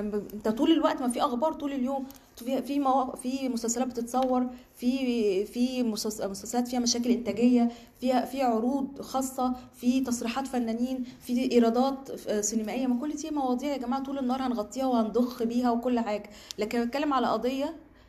أنت مش حابب تتناولها. مش لازم تتناولها عندك فرايتي كتير. أنت كنت عايزة تقولي حاجة. ما شاء الله شغل يعني زي الفل. الشغل ده بقى بيلاقي صدى بمعنى إحنا مش بنشوف غير يعني شغل بالبلدي كده أي كلام. إحنا بنشوفه طول الوقت على ال social media وعلى مواقع الصحف. فالشغل المحترم المحترم ده بتلاقي ليه صدى بتلاقي فيه فعلا الناس بتشوفه الناس بتعلق عليه بشكل كويس ولا زي أفلام المهرجانات كده هو بياخد جايزة وبس؟ لا بيلاقي مش ممكن يكون صدى محدود. أنا مش زي الترند. لا طبعا في ناس تانية بتعمل بتعمل بتعمل موضوعات أتفه بكتير وبتاخد صدى أكتر. أنا معاكي ده مش هضحك عليكي. ده مش بيكون لا مش محبط. لا بالعكس. مش بالعكس. انت ممكن حد واعي وفاهم يدي يقول لك كلمة تشجعك تستمري أحسن من ناس كتير. انت أصلا بيبقى صعبان عليكي إن هم مغيبين عقلهم وإن وإن وإن حد زميل ليكي أو مؤسسة زميلة أو كده بتساهم في هذا التغييب. يعني ف- فكرة العرض والطلب مش هي اللي هتحكم مش هي ما بلاش هي اللي تحكمك. لأن في النهاية لا يصح إلا الصحيح. طال المدة أو قصرت في النهاية الصحيح هو اللي هيسود. أديكي شايفة دلوقتي مغنيين المهرجانات بدأوا بيقول لك ما بقناش مش لاقيين ناكل حمو بيكا والناس دي دلوقتي. في النهاية لا يصح إلا الصحيح. في النهاية الدنيا هتظبط. فأنا ما- الدنيا تظبط لازم أكون أنا ثابت على موقفي وعارف أنا بعمل إيه من أول يوم. لأ أنا هعمل الحاجة اللي تتقري اللي تكون مميزة اللي لو حد قراها يستفيد. حتى لو اتقرت على طاقة في الآخر أنا بتقدم رساله بتقد... آه بتقدم رسالة ورسالة ممتعة كمان. انت مش بت... مش مش يعني مش كتاب متخصص ده الناس هتقراه عشان هي لا دي حاجة ممتعة. بدليل مثلا أنا بيتم استضافتي بالبرامج عشان إيه؟ عشان شغلي. طب مين, ما وصلت إزاي الحاجات دي للبرامج ما هم الناس قرت. فحبت إن هو تخلي scale أوسع يسمع ده. فتلاقيني وهي ودكتورة ما عرفتني من شغلي على فكرة. أنا ما يعني في سابق معرفة بيني وبينها غير من شغلي. فلا بي- بيوصل. آه بشكل أبطأ. بشكل صداه ممكن ما يكونش آه كبير بس بيوصل. واحدة واحدة في النهاية هتوصل ومتعة الوصول بالشكل ده أفضل بكتير من أنت تعمل ترند فرقعة وفي النهاية وما تظهرش تاني. وتبقى حاسس إن أنت آه، الترند بتاعك إيه؟ يعني ترند مع احترامي يعني. يعني. وبتبقى ممكن حاجات وبتبقى حاجات أحيانا وضيعة فيها كشف أسرار آه، أسر فيها فيها حاجات يعني فعلا وضيعة يعني ما مش مش حاجة مشرفة. من ضمن الحاجات برضو اللي اتسألت فيها من سنتين ثلاثة لما جيت هنا إنه المصادر ما بتردش علينا الفنانين ما بيردوش علينا. وهنعمل إيه؟ نجيبهم إزاي؟ أنا بقى لقيت حاجة لطيفة جدا أنا قعدت سهرانة بالليل عشان أدور لكم على الورقة دي. آه، دي ورقة آه، من الثلاثينات يعني ده موضوع اتعمل سنة آه، 36 أو 38 آه ممكن زوم شوية آه، آه، ممكن. أنا لقيته في أرشيف روزا اليوسف كنت بدور على حاجة في الأرشيف ولقيته ده تقريبا 36 أو 38 آه، لقيته إنه تحت عنوان أحاديث هايفة. هو شدني ال- العنوان. هو للأسف في الفترة دي ما كانوش بيكتبوا اسم المحرر.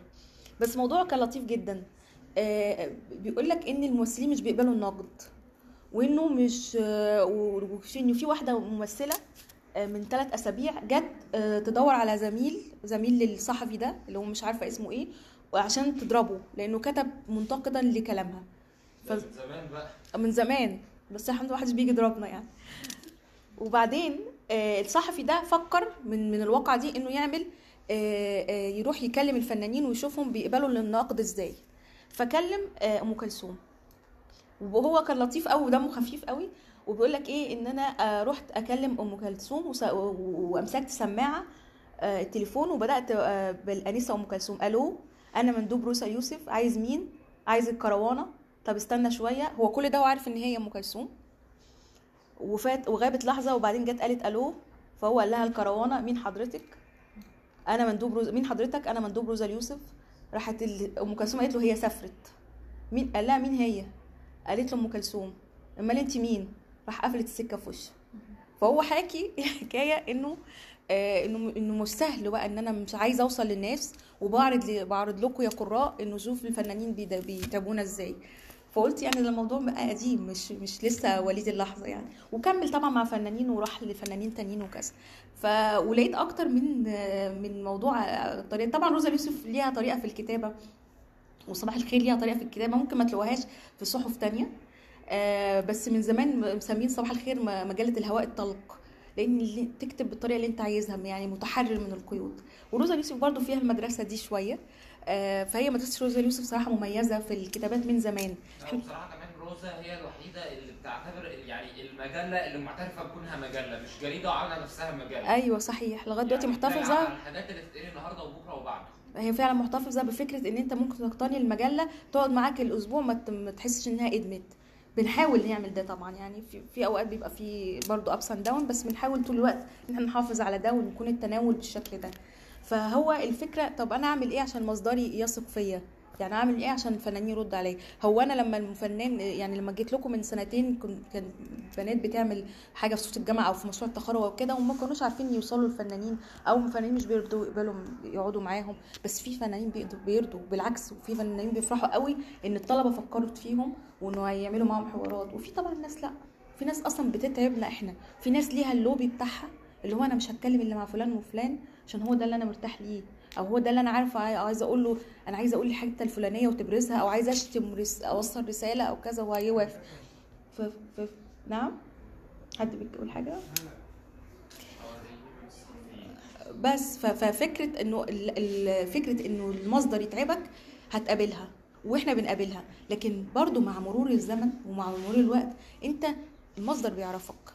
بيعرفك من إيه؟ من شغل عملته حلو آه، وعجبه أسلوبك. من مقال كتبته عن فيلم وعجبه نقدك ولقيت لقى انه نقد فعلا موضوعي مش تطبيل لأن أنت عندك وجهة نظر لأن أنت مش بتطبل. من حوار عملته معاه وحاسس إن أنت نقلت كلامه بمصداقيه فسنه عن سنة من من مقابلة على فكرة أنت بتقابل الفنانين في المهرجانات بسهولة. ممكن تقعد معاه ممكن تقول له على حاجة ممكن تديله كومنت على شغله. فبيعرف إن أنت إنسان عندك وجهة نظر. ده بيسهل لي فيما بعد علاقتي بيه ده بيسهل لي لو أنا طلبته في حاجة لو أنا عايز أتأكد من معلومه لو أنا عايز أعمل حوار بيسهل لي طبعا بيسهل لي فأنا عايزه أقول لكم إن ال- العلاقة ما بين الصحفي والفن- والفنان لازم تبقى قايمة على النديه ما ينفعش إن أنا تبقى قايمة إن أنا واحد من الفانز بتوعه فاجري بقى عليه واصور واحسسه إن أنا ده غلط تماما مش بيخلق لك أي يعني مكان. حقه بس انجمه هو على حق مش هنجمه هو على فاضي فدي برضو آه، دي نقطة مهمة. يمكن سؤال اتسأل لي من سنتين فلما لقيت ده قلت أجيبها لكم. اتفضل. طب بمناسبة بقى التنظيم زملاء شغالين في أصدقاء. يعني بشوفهم بشوف دايما إن هم بيلجأوا لحركة أنا مش عارف هي صح ولا غلط عشان فكرة إن هم يعملوا علاقة أكتر مع المطرب خصوصا هم اللي لسه بادئين كلمه مرة ورد عليه وجاب منه تصريحات فيقوم مثلا باعت له التصريح أو ال link بتاع التصريح. أو يقوم هو منزله مثلا على ال social media عنده على الفيسبوك بتاعه ويعمل mention للفنان ويقول له مثلا شكرا أو نورتنا في الموقع مثلا أو أو عملت شغل عالي قوي تسلم إيدك كده آه. مثلا. فهل دي حاجة صح ولا ده يعتبر إن أنت مثلا بتجامله شوية وبتتملقه أو كده؟ لا مش بتملق ولو في مساحة بيني وبينه كصداقة وأنا بمنشنه مفيش مشكلة. عادي. بالعكس طب أنا ساعات بلاقي مثلا حد معرفوش كاتب comment إيجابي على فنان أنا هو صديق ليا فبمنشنه في ال- في الكومنتات أو ببعت له في inbox على البتاع. ما دي في إطار التق- الت- الت- التقريب يعني تقريب البتاع ما فيهاش تملق. طالما فعلا علاقتي تسمح لكن أنا بشوف ناس هي ما تعرفش الفنان أصلا. آه لا هي ما تعرفوش. أنت فهو لسه كلمه مثلا لأول مرة آه. رد عليه على إن أنا مثلا شغال في وشوشة مثلا فيرد عليه عشان أنا في وشوشة. والله في ناس بتعمل ده في سبيل المصداقية. يعني أنا برضو خليني أفكر ب- بمنطق الصحفي اللي عمل ده. مش دايما هي منظرة أو كده. ساعات أنا بقول إن أنا فعلا كلمته بدليل إن أنا إن أنا عامل له عامل له منشن أهو. ما أنا لو ما كلمته لو ما بخاف أعمل له منشن هيقول ما قلتش ده. فهي مش دايما مش غلط. أنا ما بشوفهاش غلط بصراحة. هو فيسبوك ده موقع تواصل اجتماعي. وده صفحتي الشخصية مش صفحة مثلا الجورنان أو صفحة المجلة الرسمية. وحبيت إن أنا أوطد علاقتي بالفنان بس اخترت الشكل ده. فما فيهاش مشكلة طالما إحنا في إطار اجتماعي يعني ما فيهاش مشكلة. مين عنده سؤال؟ اتفضل. إزاي اتعامل مع فكرة تضارب المصالح؟ أنا عايزة أعرف اسمك الأول وعايزاك تعلي صوتك. اسمي محمد.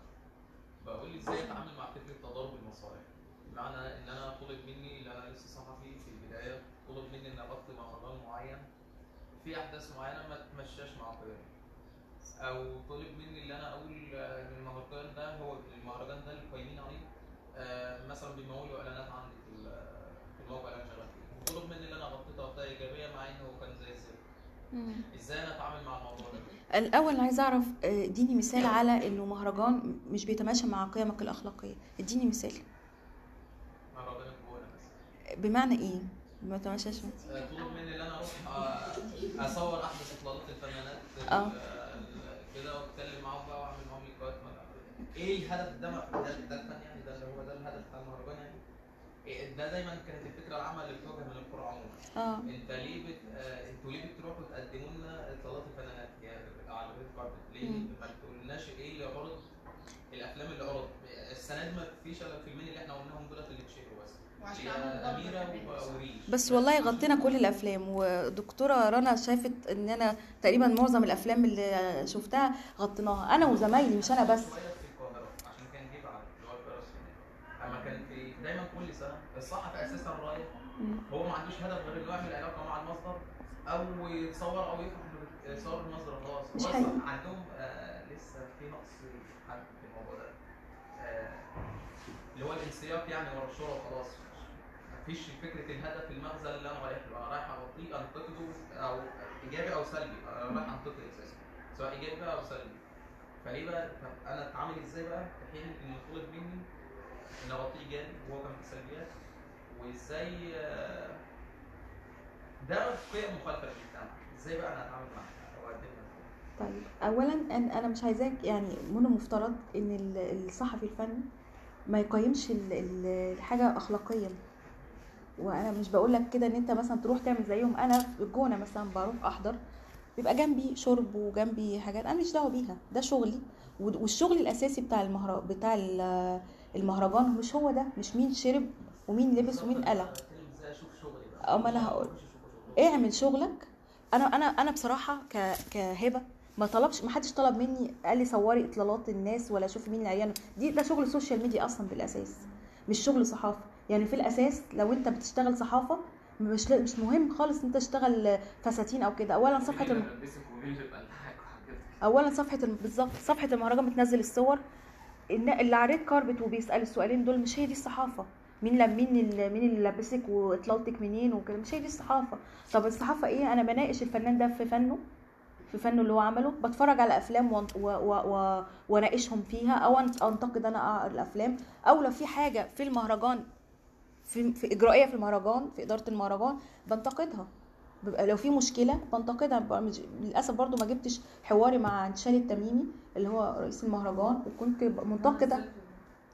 الباوربوينت كنموذج على مختلفة بقى. بالظبط. وكنا كان في مشاكل في مهرجان قلت له ده مهرجان سياحي ده مهرجان في الأساس كده. كل الانتقادات ال- المجتمعية.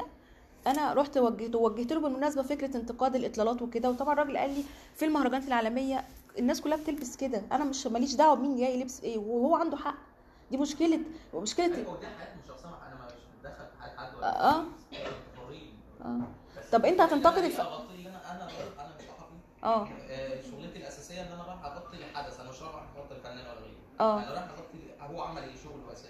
بالظبط. أو رايح أفيد الكورة في كده أنا ككورة عايز أشوف الشغل مش عايز أشوف الفنان ولا إيه. آه. بص هو البضاعة الجيدة بتطرد البضاعة الرديئة طول الوقت. أنا عارفة إن في مواقع هتفرض عليك ده. هتفرض عليك تغطي الإطلالات. مش هقدر أقول لك ما, ما- توافقش. هي أسماء كبيرة يعني لما تلاقي الوطن والمصري اليوم والدستور. بالظبط. آه ما هم ما هو عشان الترند هو الحاكم. يعني هو الترند هو الحاكم. أنا حاسس إنه إنه أنا هيجيب لي مشاهدات أكتر لو قلت شاهد الإطلالة الساخنة لنجلاء بدر. هم هيحاسين إنه ده اللي هيجيب مشاهدات. لأن كل الناس عندها فكرة إن أخش أشوف الإطلالة الساخنة. هم حاسين ده. يمكن الوضع عندنا أهدى شوية في الصحافة الورقية. ما عندناش حتة الإطلالة الساخنة. أنت بتتكلم من منظور ال- ال- المواقع وأنا معاك فيه إنه لأ مش هضحك عليك وأقول لك إنه ده مش مهم أو اعترض أو انتقد. بس أنا بقول لك البضاعة الجيدة تطرد الرديئة. يعني أعمل إيه؟ يعني أنا لو اضطريت إن أنا أصور هذه الإطلالة وأقول إن ده دي إطلالتها وأوصفها أو أقول مين اللي لبسها أو كده في نفس الوقت أنا الموقع مش هيقول لي حاجة لو أنا بعت له شغل تاني عن فيلم أنا بقول فيه وجهة نظري أو عن تصريح من من أحد القائمين على الفيلم بيقول حاجة مختلفة أو كده. أنت على فكرة ممكن تخلق ترند من تصريح من ما فيهوش أي عري ولا أي حاجة. يعني أنا عايزة أديك مثال. أنا كنت في مهرجان البحر الأحمر في جدة من قريب جدا من أقل من شهر. وكانت مشكلة أميرة لسه بتطفو على السطح وإن الفلسطينيين رافضين وكده. كان قبل البيان بتاع آه، صناع الفيلم. وكان مين موجود في في المهرجان؟ هاني أبو أسعد اللي هو المخرج الفلسطيني المعروف. ليه أفلام كتيرة جدا. أفلام بالمناسبة بتنصر القضية الفلسطينية وضد التطبيع واحيانا كان يتهم بالتطبيع واحيانا يتهم إن هو بيناقش القضية ده تقصد إيه وكذا. وكان بيتعرض له فيلم اسمه صالون هدى آه، في المهرجان جده كان بيتعرض لأول مرة وكان الفيلم بيتكلم عن مستوحى من قصة حقيقية إن في واحدة اسمها هدى آه، عاملة صالون تجميل وكانت بت بتخدر السيدات وتصورهم في أوضاع مخلة وتجبرهم بالفيديوهات دي إن هم يتعاونوا مع السلطات الإسرائيلية إن هم يبقوا جواسيس أو كذا وتم إيه ال- إلقاء القبض عليها ويعني من من المقاومة وكذا. وكان فيلم جميل جدا. وكل الناس بدأت تناقش ال- المخرج في في في النقطة دي. أنا من من سيرشي ومن معلوماتي عارفة إن المخرج ده هو شريك في إنتاج فيلم أميرة. فرحت أنا بقى خدته على جنب كده قلت له إيه رأيك في الضجة المعمولة على فيلم أمير؟ وأنت شريك في الإنتاج. قال لي أنا مع الضجة ومع وقف الفيلم وهنسحب الفيلم و... قلت إزاي وأنت شريك إنتاج؟ قال أنا لا ال- الفلسطينيين عند غضبهم على رأسي وأنا وأنا ما فكرتش أو كلنا ما فكرناش في إن ممكن في ناس تزعل من ده أو تحس إن هم مشكوك في نسبها وكده. فأنا عايز هنسحب ونشوف لو فرجناهم الفيلم نتفاهم معاهم أو كده بعد كده نبقى نعرضه. فالتصريح ده عمل ضجة من غير هو كان بعدها طلع بيان طبعا محمد دي- آه دياب واسره الفيلم وكذا إنه هنوقف الفيلم وهنسحب عرضه وكده بعدها. وتوقف من كان هيتعرض في جده ما تعرضش وكده. بس التصريح ده في حد ذاته أنت خلقت بيه آه، عملت بومي. نقطة متميزه أكتر من أي حاجة. بالظبط. أنا بقى ما قلت إطلالات ولا قلت حاجة. طب أنا لو فرض عليا إن أقول أعمل إطلالات هعملها. بس أنا بذكائي ممكن أعمل حاجة تانية فانت عمر ما الموقع اللي انت جايب له شغل من النوعيه ده يقول لك مش هنشره وهنشرك بس الإطلالات عمره. فانت تجتهد ان انت لو لو مضطر تعمل ده هت... هت... اعمل جنبه ده واحدة واحدة هيسيبوك انت بقى في حتتك اللي انت متميز بيه مش. مش هتضطر تعمل الشغل ده بتاع ال social media. واحدة واحدة هتبقى انت كبرت عليه. في البدايات ممكن الواحد بيعمل حاجة للأسف ممكن ما يبقاش حاببها معلش هتعملها. ما هقول لك إيه أقول لك ما تشتغلش أقول لك أقول لهم لا لكن بعد كده إخ- اخلق انت لنفسك الزاوية بتاعتك. هو يعني لو استكمالا لكلام حضرتك دكتور رنا حتى كانت بتعرض علينا المحاضرة اللي فاتت لما كنا بنتكلم صحافه فنيه نموذج لمحمود سعد أيام ما كان لسه صغير في صباح الخير. كان صباح الخير. وكان دخل جوه كواليس فيلم فيلم آه، ال- آه في الكواكب أنا آسف صح. ما هو اشتغل في صباح الخير هو. طبعا صح صباح الخير طبعا هو اشتغل في صباح آه. الخير بس الكلام ده كان في الكواكب. صح أنا أنا اللي مش فاكر كويس المهم إن هو دخل كواليس فيلم يوسف شاهين آه وكان وقتها يوسف شاهين يعني بيحاول حاجته بالسريه وبتاع وفي آه. الآخر إن هو عرف يوصل لكواليس الفيلم وطلع في الآخر قال لك ليس طلع كتب عذر يوسف شاهين ولكن فيلم ال- المهاجر فيلم المهاجر ليس سر حرز آه فهو كان صغير آه ولكن عمل لقطة مختلفة بالظبط. برضه الشغل العادي اللي بيعمله بالظبط كده فانت ما أنا بقول زي ما أقول لك اخلق زاويتك الخاصة هت... هتنجح.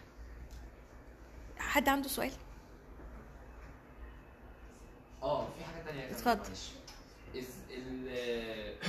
الفنانين دايما يعني بت... بي... ما أعرفش أنا بحس هم ال... هم اللي قاصدين ولا مش قاصدين. فكرة إن هم يا إما ينشروا مشاكلهم الشخصية بشكل فج وأوفر ويرجعوا بعد كده في الآخر يعيطوا ويقولوا أنتوا إزاي بتقتحموا خصوصيتنا كده. مع ان هم نفسهم في المعظم هم اللي بينشروها. طبعا. يعني آخر حاجة مثلا مشكلة رشوان توفيق مع مع مع بنته. مع احترامنا الكبير مع احترامي الكبير لرشوان توفيق كقيمه وقامه لكن أنا زعلت إن إزاي هو آه، مشاكله الشخصية وخصوصا لما يبقى حد قامه زيه يعني مش الكلام ده مش بيعمله مثلا واحد لا مؤاخذة يعني هايف أو كده صحيح. يعني رشوان توفيق قيمه وقامه. إزاي هو سامح إن مشاكله الشخصية تبقى على المشاع بالشكل ده وإن هو يروح مع مع عمرو الليثي ومع شريف عامر ومع المواقع ومع مم. الصحف إن حياته الشخصية تبقى مستباحة بالشكل ده أيوه المشكلة إن هم بعد كده في الآخر يرجعوا يقولوا هم نفسهم برضه. أنتوا إزاي بتنتهكوا خصوصيتنا وبتدخلوا في حياتنا الشخصية كده. فإزاي أنا أتعامل مع الحتة دي أو إزاي أخرج من النقطة هو للأسف إنه الفنان بيستخدم الصحافة بالشكل ده. يعني بيستخدمها بشكل سلبي بيستخدمها لمصالحه. يعني قضيه رشوان توفيق مع وأنا بحبه جدا ومع احترامي ليه هو آه، موقفه كان ضعيف بالمناسبة. يعني هو برغم شوف أنت من بره بالجحود وبنته وكذا لكن في النهاية هو عمل إيه؟ هو كان المفروض بنته مالكة الحاجات دي وهو معاه كتوكيل. طبعا الحاجة دي بتاعته في الأساس وكل حاجة بس بتكلم قانونيا. هو باع الحاجات باعت الحاجات دي باع الحاجات دي للتوكيل أو لحد تاني. يعني هو في مشكلة في مشكلة عملها ما كانش ينفع تتعمل. يعني حتى لازم إعلامها يعني لازم تبقى هي عارفة. فأنت ما عرفتهاش وهي فوجئت إن الحاجة دي كانت في حوزتها وما بقتش في حوزتها. آه، حتى لو بنقسم ميراث أو كده طبعا مفيش ميراث على الحياة فبرضه كانت حاجة غلطة منه. يعني في حاجات كتيرة أخطاء هو عملها. طب هو يعني لقى إن الموضوع دخل في بشكل قانوني وإن هم بيوقفوا التوكيل وبيتهموا إن هو يعني عمل حاجة ما كانش ينفع تتعمل فراح لجأ للإعلام عشان يستقوى بيه. يعني طلع يعيط من الآخر. آه طلع عشان يخلي يستخدم الإعلام لصالحه. ونجح في ده لأنه خلق حالة من التعاطف كبيرة. ويمكن ابنه أو بنته طول الوقت كان بيقول بتشتم طول الوقت أنا مش ما بعرفش أفتح موبايلي من كتر الشتايم ما بعرفش أنزل من بيتي. وحصل لهم مشاكل كتير. طب انت خدت القضية من ساحات القضاء؟ أول ما حسيت إن موقفك مش أقوى حاجة نقلتها لساحة الإعلام وت- و... وانت خلقت تعاطف. طيب الناحية التانية على مستوى الإعلام آه، أنا لقيت حاجة صيد سمين بقى. لأن المشاكل الشخصية يا جماعة والفضايح هي صيد سمين للمواقع. الناس ليه؟ لأن المجتمع بيحب ده. ما هو إيه فكرة إنه خطأ بيبنى على خطأ فبيكمل بنكمل السلسلة كلها خطأ في خطأ. فأنا الموقع ده أنا بالنسبة لي صيد سمين لو واحد جاي يقول لي فضايحه وأروح أنا الناحية التانية عشان أسمع أرد على هذه الفضايح وأقول لك لازم أقول له لازم ترد ده هو كده خلق جابها في الرأي العام فأنت لازم ترد في- فيرد. فأنا بالنسبة لي صيد سمين هم اللي بيعملوا كده. وعلى فكرة من زمان ده موجود يعني أنا برضو في الأعداد الثلاثينات دي آه لقيت إنه في خناقة ما بين فاتن حمامة آه حد اتصل بي آه فاتن حمامة وباباها. برضو على مشاكل وبتاع. ومكتوب ومكتوبة يعني طول الوقت في مشاكل آه، كانت زبيدة ثروت وطلاقها وإنها بتتجوز كتير. يعني ال- ال- الحياة الشخصية دي موجودة من زمان. مش هنقدر نتجاهلها. ما تبقاش الأساس. بس عشان أبقى باينة الجمهور بيحبها. ولو أنت طارح شخص حياتك الشخصية لل- للناس ما تزعلش بقى. وفكرة إن تدخلتوا حياة الشخصيه هم كذابين للأسف. لأن اللي مش عاي اللي بي- بيحاول يخلق سياج على حياته بيقدر. وبيعرف. ادي عبله كامل إحنا مش عارفين عنها حاجة. نقدرش نعرف عنها حاجة. لأن هي خالقه سياج حديدي فولاذي على حياتها. انت تعرفش؟ يعني أنا بس ممكن أطمن عليها من طليقها أحمد كمال لو ممثل القدير لو أكيد أنتوا عارفينه وأبو بنتينها ممكن تطمن عليها. هي فعلا عيانة. يقول لك لا دي زي الفل. طب هي كويسة؟ آه كويس. بس أكتر من كده ما تعرفش. ليه؟ لأن هي مقررة إنها تبعد بجد. لكن أي حد بيبعد ويقول لك والله هبع- هبعد زي المطرب الأردني اللي مؤخرا أدهم النابلسي ده مفيش حد عايز يعتزل بيروح يقول هعتزل أنا همسح اغانيه أهو شوية هكمل مسح اغانيه اللي بيبعد بجد بيبعد كمان عن الأضواء اللي عايز يبعد بجد. لكن اللي عايز يخلق من بعده حكاية بيعمل ده. فأنت برضو تكون ذكي. زي حالة شيحة مثلا. زي حالة شي... حالة شيحة يعني يعني مذبذبة نفسيا شوية فعندها مشكلة. لكن شيرين برضو عندها مشكلة نفسية أنا ب- بحبها جدا بس طبعا واضح. يعني زي بقية كل البشر ما هو الفنان ده في النهاية بشر. سماته الشخصية بتبان من تصريحاته ومن طريقته ومن أسلوبه في الحياة بيبان. فالفكرة إنه آه، شفت شيرين مع مع نضال الأحمدية؟ تتكلم تتكلم تتكلم وفي الآخر تقول لك مش عايزة أتكلم عن واحد كان جوزي. طب انت قلت كل حاجة. وعمرو أديب. أنا لسه بحبه. فأنت يعني. أنت بتشوف نموذج لشخصية مذبذبة بتشوفها من تصريحاتها. فانت مش كل حاجة هم يقولوها انت بتصدقها. بالظبط يعني أكيد فاكرين آه، مشكلة البطانة بتاعت آه، رانيا يوسف وكان حد ينبهني وشال البطانة والبطانة كانت ما... كل ده كذب كل دي حكاية مختلقة لأن ما فيش بطانة. بعدها بسنة آه، أنا شفتها في الجونة جايبة بنتها ملبساها الفستان. ما فيش فيه بطانة بقى ولا حاجة هو نفس الشكل. فهو الفكرة إن أنت وهي نفسها خلاص بعد بعد التصريح البطانه ده بدأت تتعمد إنها تلبس آه، لبس آه، مثير للجدل عشان خاطر تبقى ترند لأنه إيه هي ساعة تصريح البطانه دي كانت خايفة لأن القضية كانت لسه آه، أو ال- ال- البلاغ كان لسه بتاع سمير صبري كان لسه متداول. فهي خافت لا يتحكم عليها يحصل لها مشكلة. فقالت لك البطانة وبدأت تخ- تخش السكة دي. طب أول ما الدنيا طلع نزلت على فشوش ولقيت إنه لا مفيش مشكلة بدأت زي ما أنت بتقول ت- ت- ولكنها رجعت تشتغل التاني بعد ما كانت هتكون عرف بالظبط. فهي الفكرة إنه يا جماعة مش كل حاجة يقولوها بنصدقها في أكاذيب أنت بتبقى عارف إنها أكاذيب وفي حاجات أنت بتبلعها بالمناسبة بس ما بتكتبهاش.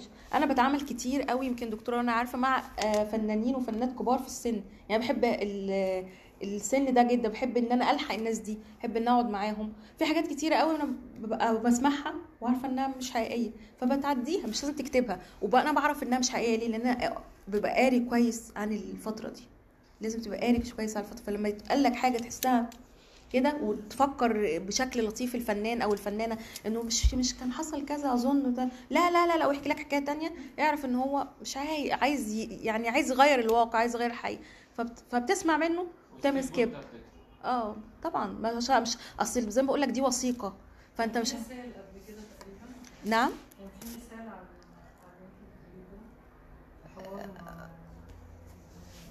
سميحة أيوب تقريبا ولا؟ سميحة أيوب. استني هفتكر وأنا بقى هو الأمثلة كتيرة والله. الأمثلة كتيرة قوي كان في مره مع عادل امام قال حاجة حكايه مع ناديه الجندي جت ناديه الجندي بعدين قالت ان هي ما حصلتش ان هو بس بيقول كده عشان هو لازم يبقى في خفه دم في الحوار آه آه كتير قوي بتحصل بتحصل معاه بيحصل معانا الحاجات دي كتير. ناديه الجندي أصلا نفسها في في كل حواراتها من بعد ما مات عماد حمدي. لك عماد وما عملتوش حاجة ده أنا كان وعماد حمدي نفسه مسجل حوا... مسجل آه مذكراته مع ايريس نظمي إن هي مبهدلاه يعني ده هو ليه صورة. صعبة جدا يعني لها- كانت نازلة في الكتاب بتاع ايريس نظمي ونازلة في النت شعره منعكش وحتى ما رضاش إن هو يعني هي كانت بتقول وأنا بروح أسجل أسجل المذكرات ما بقاش مش لاقي مكان أحط عليه الكاسيت. زمان طبعا كان الكاسيت كبير عشان أسجل الشرايط مش فيش ترابيزة. شوف الفقر بقى اللي الراجل وصل ليه وهي كانت شقته في الزمالك خمس أوض ولا ست أوض خدتها منه. فبعد ما مات هي بقى عاملة حالة من الأكاذيب اللي هي أنا لا الراجل ده أنا بالعكس ده أنا كنت علاقة شيخوخته وما خدتش منه حاجة وكلها فلوسي وأنا اللي أنتجت بان بكشر وأنا اللي دفعت ومش مش حقيقه مش حقيقه هو اللي عامل لها كل الحاجات دي. فأنت ممكن تصنع بقى من ترديد الكلام أكاذيب ومن إيه؟ ومن صحفي عندوش وعي. فأنا أكتب ده وراها ده عملت كذا. آه آه آه في حتة إن أنا هي اللي قالت.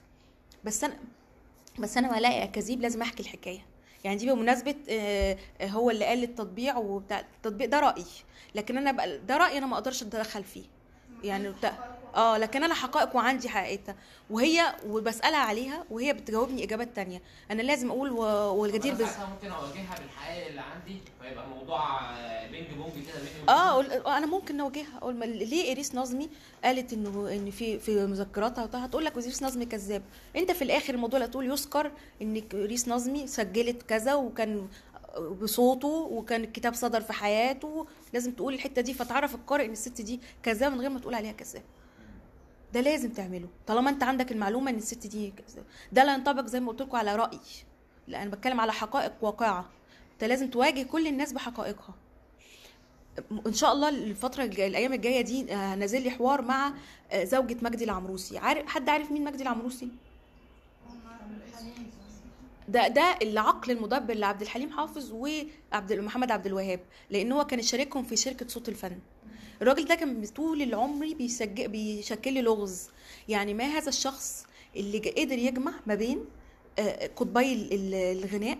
إزاي خلى العلاقة ما بينهم تنافسية؟ طبعا عبد الوهاب كان أكثر شهرة من عبد الحليم في أثناء يعني ظهور عبد الحليم سابقه طبعا. لكن في النهاية برضو ده جيل جديد بيسحب البساط من الجيل القديم. إزاي أنا حولت العلاقة من علاقة تنافسية لعلاقة آه، آه، شراكة. مش شراكة مش صداقة بس. إزاي صوت الفن دي يعتبر يعني يصنفها الخبراء كأكبر شركة فيها أكبر منطقه م- مكتبة غنائية؟ إزاي ده حصل؟ آه، الراجل ده كان مشكل لغز ومش لاقياه. يعني أنا مش لاقية أي حاجة توصلني ليه.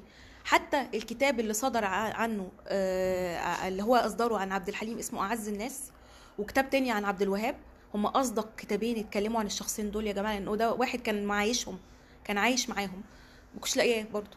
قالوا لي بقى دوري عليه في فصول الازبكيه طب دوري على النت ألاقيه في النت على النت مش كامل. طب أنا عايزة أوصل للراجل ده.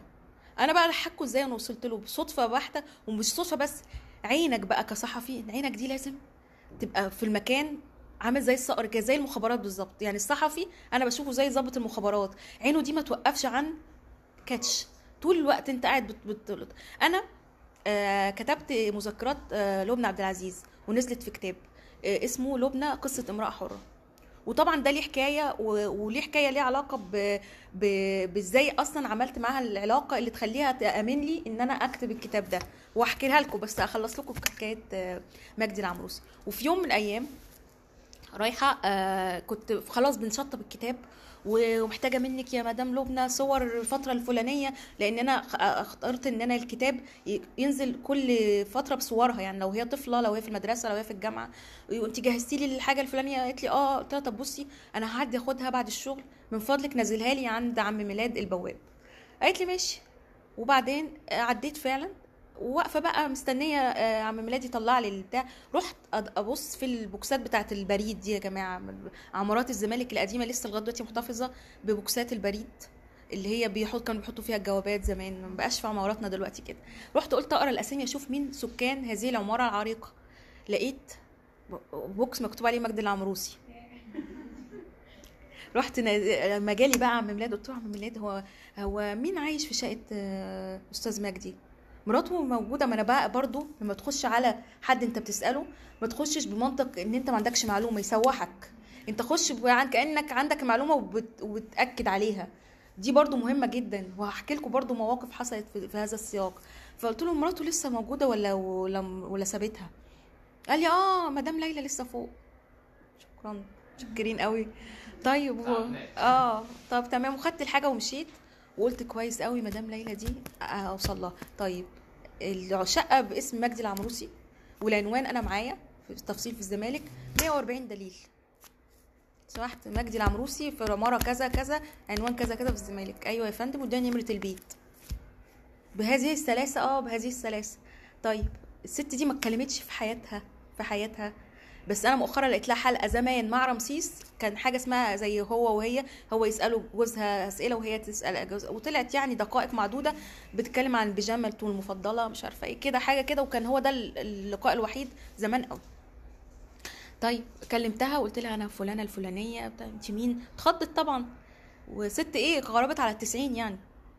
قلت لها أنا كذا وشاغلني طول الوقت مجدي العمروسي ونفسي أعرف عنه أكتر وعايزة أعرف مش... وكمان صوت الفن حصل لها مشاكل كتيرة وقضايا بعد ما مات عبد الحليم وورثه عبد الحليم اتهموه بالاست... باستيلاء على الشركة. يعني في كده يعني زي ما بتقولوا إيه حاجات غ... حاجات شائكة مناطق شائكة في حياة الراجل ده وحياة عبد الحليم وقلت لها أنا محتاجة نسخ من الكتب مش لاقياها ومش عارفة إيه. المهم بدأنا نخلق صداقة ادتني نمرة موبايلها زرتها في بيتها نشأت بينا علاقة يعني هي ممتدة بقالها سنة تقريبا سنة. في خلال السنة ده بقى أنا أنا وصلت معاها لإيه؟ وصلت معاها لحاجات مهمة جدا. طبعا خلال السنة هي رافضة إنها تطلع في حوار. يعني طول الوقت هي رافضة تطلع في حوار.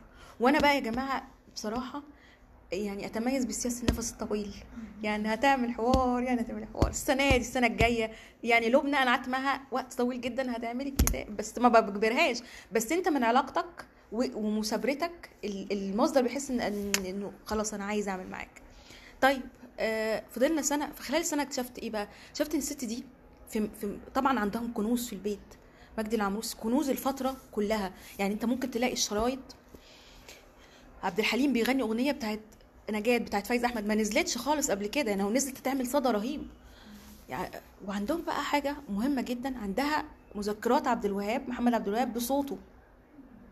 ودي ما نزلتش قبل كده. طب يا ستي المذكرات دي مش عايزة تنزليها أو قالت لي لأ مش من حقي.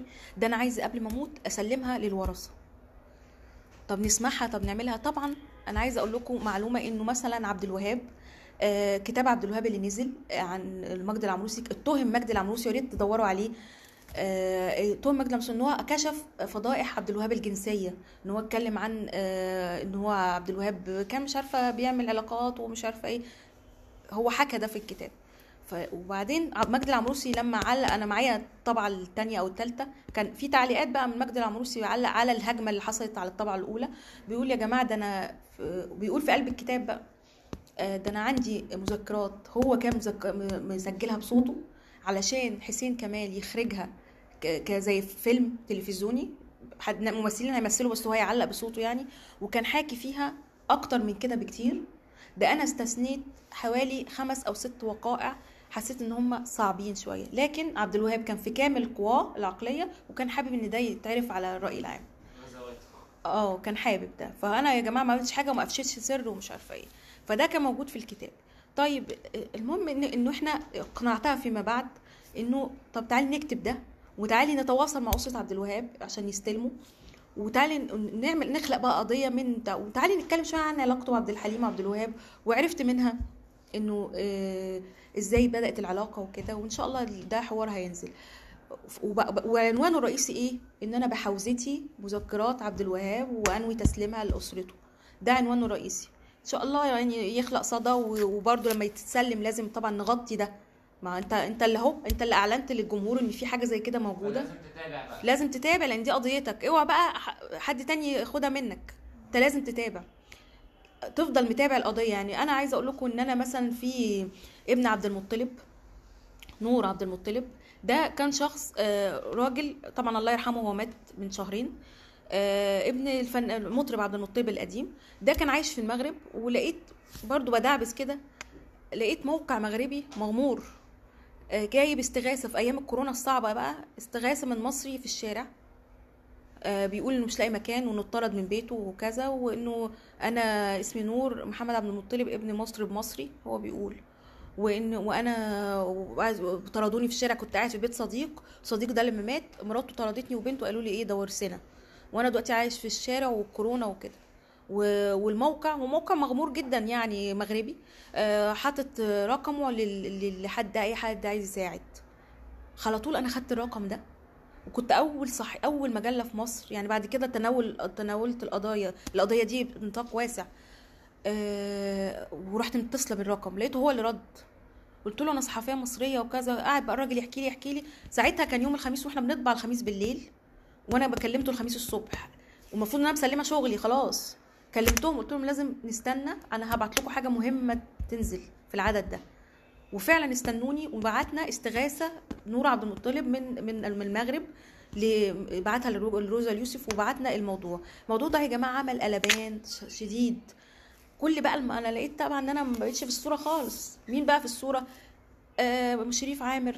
آه مش عارفة مين بيعمل ومدحت العدل. آه قال لك أنا هتبنى القضية وبتاع. طب اللي بدأ الموضوع فين؟ ما حدش بيقول. طيب قلت هكمل. الأسبوع اللي بعده تواصلت أنا بقى مع معايا طول كل يوم أكلمه قال لي يا بنتي أنا إم بي سي عندهم زي جزء كده بتاع يعني أعمال خيرية أو حاجة فإم بي سي هتتبناني وقالوا لي هنجيب لك شقة هنجيب لك شقة. قلت له يعني قالوا لك كده قال لي آه. قلت له طيب رحت لجهه الام بي سي للناس مسؤولين في ام سي برضه بعلاقاتك بتقدر توصل للناس جوه. يا جماعة ده حقيقي؟ قال لي آه. قالوا لي حقيقي وفعلا هناك هنجيب له شقة وكده. فكتبت إنه إنه بانتظار نور عبد المطلب شقه واتكلمت مع هنا نقابة السينمائيين نقابة السينمائيين نقابة الفنانين مفيش حد خالص كله كلام مجعجعة ومدحت العدل اللي هو كان متصدر ال- المساعدة يعني. كلمت معاه وبقيت إيه على مدى أسبوعين بنزل الشغل ده. طيب جه بقى آه آه خلاص عايزين هيعلنوا في إم بي سي. يعني أنا أعلنت قبل إم بي سي إن هم في شقة. آه، جت بعد كده إم بي سي هتعلن إنه في شقة. فجابوا آه، يعني استضافوه بالتليفون أو حاجة كده. وشريف عامر بيقول إيه طبعا يا جماعة الاستغاثة اللي, اللي عملها نور عبد المطلب في موقع القاهرة 24 وإحنا تلقفناها وبتاع. طبعا أنا سمعت ده. زعلت. وخلاص ونمت. خلاص هعمل إيه؟ برغم إن انت متابع قضية على مدى ثلاث أسابيع وناشر كل حاجة هتحصل هم لسه ما قالوهاش. خلاص نمت وزعلت. وبعدين آه لقيت تاني يوم صحيت تليفونات تليفونات لقيت محمود المملوك اللي هو مدير الموقع اللي هو رئيس الموقع القاهره 24 يا هبة اصحي أنا عايزك تكتبي لي آه آه قصة نور عبد المطلب وإزاي بدأتيها وكده. مش فاهمة حاجة. دخلت على النت لقيت ال social media مقلوبة. ليه؟ لأنه محمود المملوك عمل خبر بعد بعد انفراد القاهرة 24 شريف عامر يقول كذا كذا بالفيديو. دخل له عمر طاهر قال له لأ ده مش انفراد القاهره 24 حرام عليك يا محمود ده انفراد هبة محمد بقالها ثلاث أسابيع قال له أنا ما شفتوش وحوار طويل ودخلت ناس أيوه ده هبة اللي قايلة. كل ده أنا نايمة مش شفتوش ولقيت صحيت لقيت الدنيا مقلوبة فلا محمود عايز يعمل قصة إنه لأ إنه يعني كأمانة منه إنه لأ هبة اللي انفردت الأول وحصل وقد كان وبدأ الدنيا تروح ناحية إنه انفراد روزا اليوسف من هي الأول. طب ده معناه إيه؟ اشتغل. حتى لو انت حاسس إن أنت مش في مكان مش متشاف. اشتغل وفي الآخر في حد عنده ضمير وعنده حيثية هي هي هي هيشاور على شغلك. آه أحبطت اليوم ده. أنا عايزة أقول لكم نمت محبطة جدا. بس تاني يوم في حال تاني. لما لقيت الد... والعكس يمكن ده عمل لي ضجة أكبر. وخلى الناس تبتدي لقيت بقى ناس فولو كتير وإضافات كتير وبتاع. ليه؟ لأن الناس بدأت تبص تدور على مين اللي بدأ القصة في مصر. حتى لو لو لو شريف عامل غلط حتى لو محمود المملوك بناء على غلطة دي عمل غلطة اللي هو أعلن ده. فهي لأ هنفضل نشتغل وهنفضل نعمل شغل. حتى لو أنت فاكر أنت مش مؤثر لأ والله بتتشاف يا جماعة. لأ بت- بتتشاف وبتعرف وشغلك بيأثر. وساعات بروح أماكن ما بقاش فاكره خالص إنه حد إنه فلان ده عارفني. والاقيه بينادي عليا يقول لي إيه الموضوع الفلاني اللي عملتيه؟ آه أنا قريته كان جميل جدا. ما كنتش متصورة إن أنت ربطت. وأنا دكتورة عواطف ما أنا الأسبوع اللي فات قابلتها ولسه بقول لها راحت قالت لي آه أنا متابعاكي انت وكذا وكذا أسامي المجلة وأنتم امتداد لينا. وأنا برضو كانت آخر حاجة اتوقعها إن الدكتوره عواطف قالت لي لا ده أنا عاملة اشتراك في المجلة بتجيلي اسبوعيا ولازم أقرأ موضوع ده ده بالنسبة لي كانت مفاجأة. فلا يا جماعة نفضل نشتغل. اوعى تقول أنا مش مؤثر أو أنا ماشي لوحدي أو أنا في حتة كده ترند هياخد مني البتاع مش مش متشاف. لا هتبقى متشاف وهتبقى مؤثر عارف بكتر الدق يعني ال ال أي حاجة تفضل تدق عليها كتير هت- هتخلق تأثير هتبقى ليها مكان. لكن أنت هت- هتبقى نفسك قصير مش هتوصل. فدي النقطة. وده ده اللي حصل لي في كتاب لبنى عشان ما انساش إن أنا أحكي لكم الحكاية. أنا عشان أكتب كتاب لبنى ده يعني خدت سنة تقريبا سنة بس عشان أقنعها. لأن هي كان في عشرات الصحفيين وأسامي كبيرة أكبر مني بكتير بيحاولوا يقنعوها وهي مش موافقة. قالت لا مش عايزة أكتب بس بت... ونادرا ما بتعمل حوارات. وسمحت لي إن أنا أعمل معاها حوار. وفي الحوار ده حصل بقى برضو من طريق المذاكرة واللي أنت هتعد ده كويس. ولازم يا جماعة على فكرة تذاكروا كويس قوي قبل أي حوار. يعني معلوماتك وثقافتك العامة دي كوم ومذاكرتك الآنية قبل ما أنت رايح تعمل الحوار ده كوم تاني. لازم تشوف. أنا أنا مثلا لما يجي لي حد يقول لي هبه في فلان تخش تعملي له حوار مثلا في مهرجان ما في فلان تقول له لا مز... لازم اعدله سيبني ساعة مثلا. أو في فيلم فلان ما شفتوش ما أروحش أعمل حوار عن فيلم ما شفتوش وسد خانة وخلاص. لأن ممكن الفنان أول يقول لك أنت شفت الفيلم؟ ينفعش تقول له آه وأنت ما شفتوش. ما ينفعش تقول له لا تهز من نفسك. روح وأنت واثق من مالك كل أدواتك. فلازم أشوف الفيلم أو لازم أذاكر شوية أشوف عمل إيه آخر حاجة. آه لو في مشاكل آه، حاصلة لو في تصريح قاله لازم أذاكر الأول قبل ما أخش. فالمذاكرة الانيه دي لا تغني ابدا عن ثقافتك العامة ومعلوماتك العامة. أحيانا طبعا بتضطر إن أنت في موقف ان انت تسأل أو يحصل لك أو حوار مفاجئ أو كده هتلاقي نفسك مخزونك هيساعدك. بس طبعا الأفضل تكون باصص ومذاكر الأول. المهم المذاكرة دي خلت لبنى ت... ت... يعني ت... تنجذب للحوار معانا وتحولت إلى صداقة والصداقة دي خلت إن في حكايات كتير قوي تطلع في التليفون أو في زيارات تانية. وكل ما تطلع حكاية أنا بدعوها إنه حرام الحكاية دي ما تتعرفش حرام الحكاية دي ما نقولهاش. واحدة ورا واحدة وتقول لي فلان جه قال لي عايز أعمل لك كتاب ده فلان جه طالب مني لغاية ما في مرة من المرات آه قلت لها يعني. يعني الحكاية دي تفيد البنات يعني مش. أنت مش نجمة مش هحكيها كنجمة وأنت بلمعك ده أنا بحكيها عشان تفيد ال... ال- الناس تفيد البنات يعرفوا إنه ان عشان تقوم لازم تقع إن الحاجة ما بتجيش من معلقة من ذهب. يعني دي في رسائل كتيره قوي من قصصك هتفيد الناس وبتاع. قالت طب يلا بينا. يلا بينا دي برضو جات لي يعني خضة لأن كنت بقول كده وأنا عارفة إن زي كل مرة ربنا يسهل هشوف هفكر. لقيتها تقول يلا بينا وبدأ المشوار. فخليك نفسك طويل وخليني اخد نفسي بقى. وفك... وأنا عايزاكم تفكروا في قضية. يعني هسيبكم خمس دقايق كده تفكروا في قضية فنية أو خبر أو أي حاجة آه، كان موجود الفترة اللي فاتت؟ وتم تناوله بشكل معين وانتوا لو كنتوا في موقع المكان ده تتناولوه بشكل مختلف.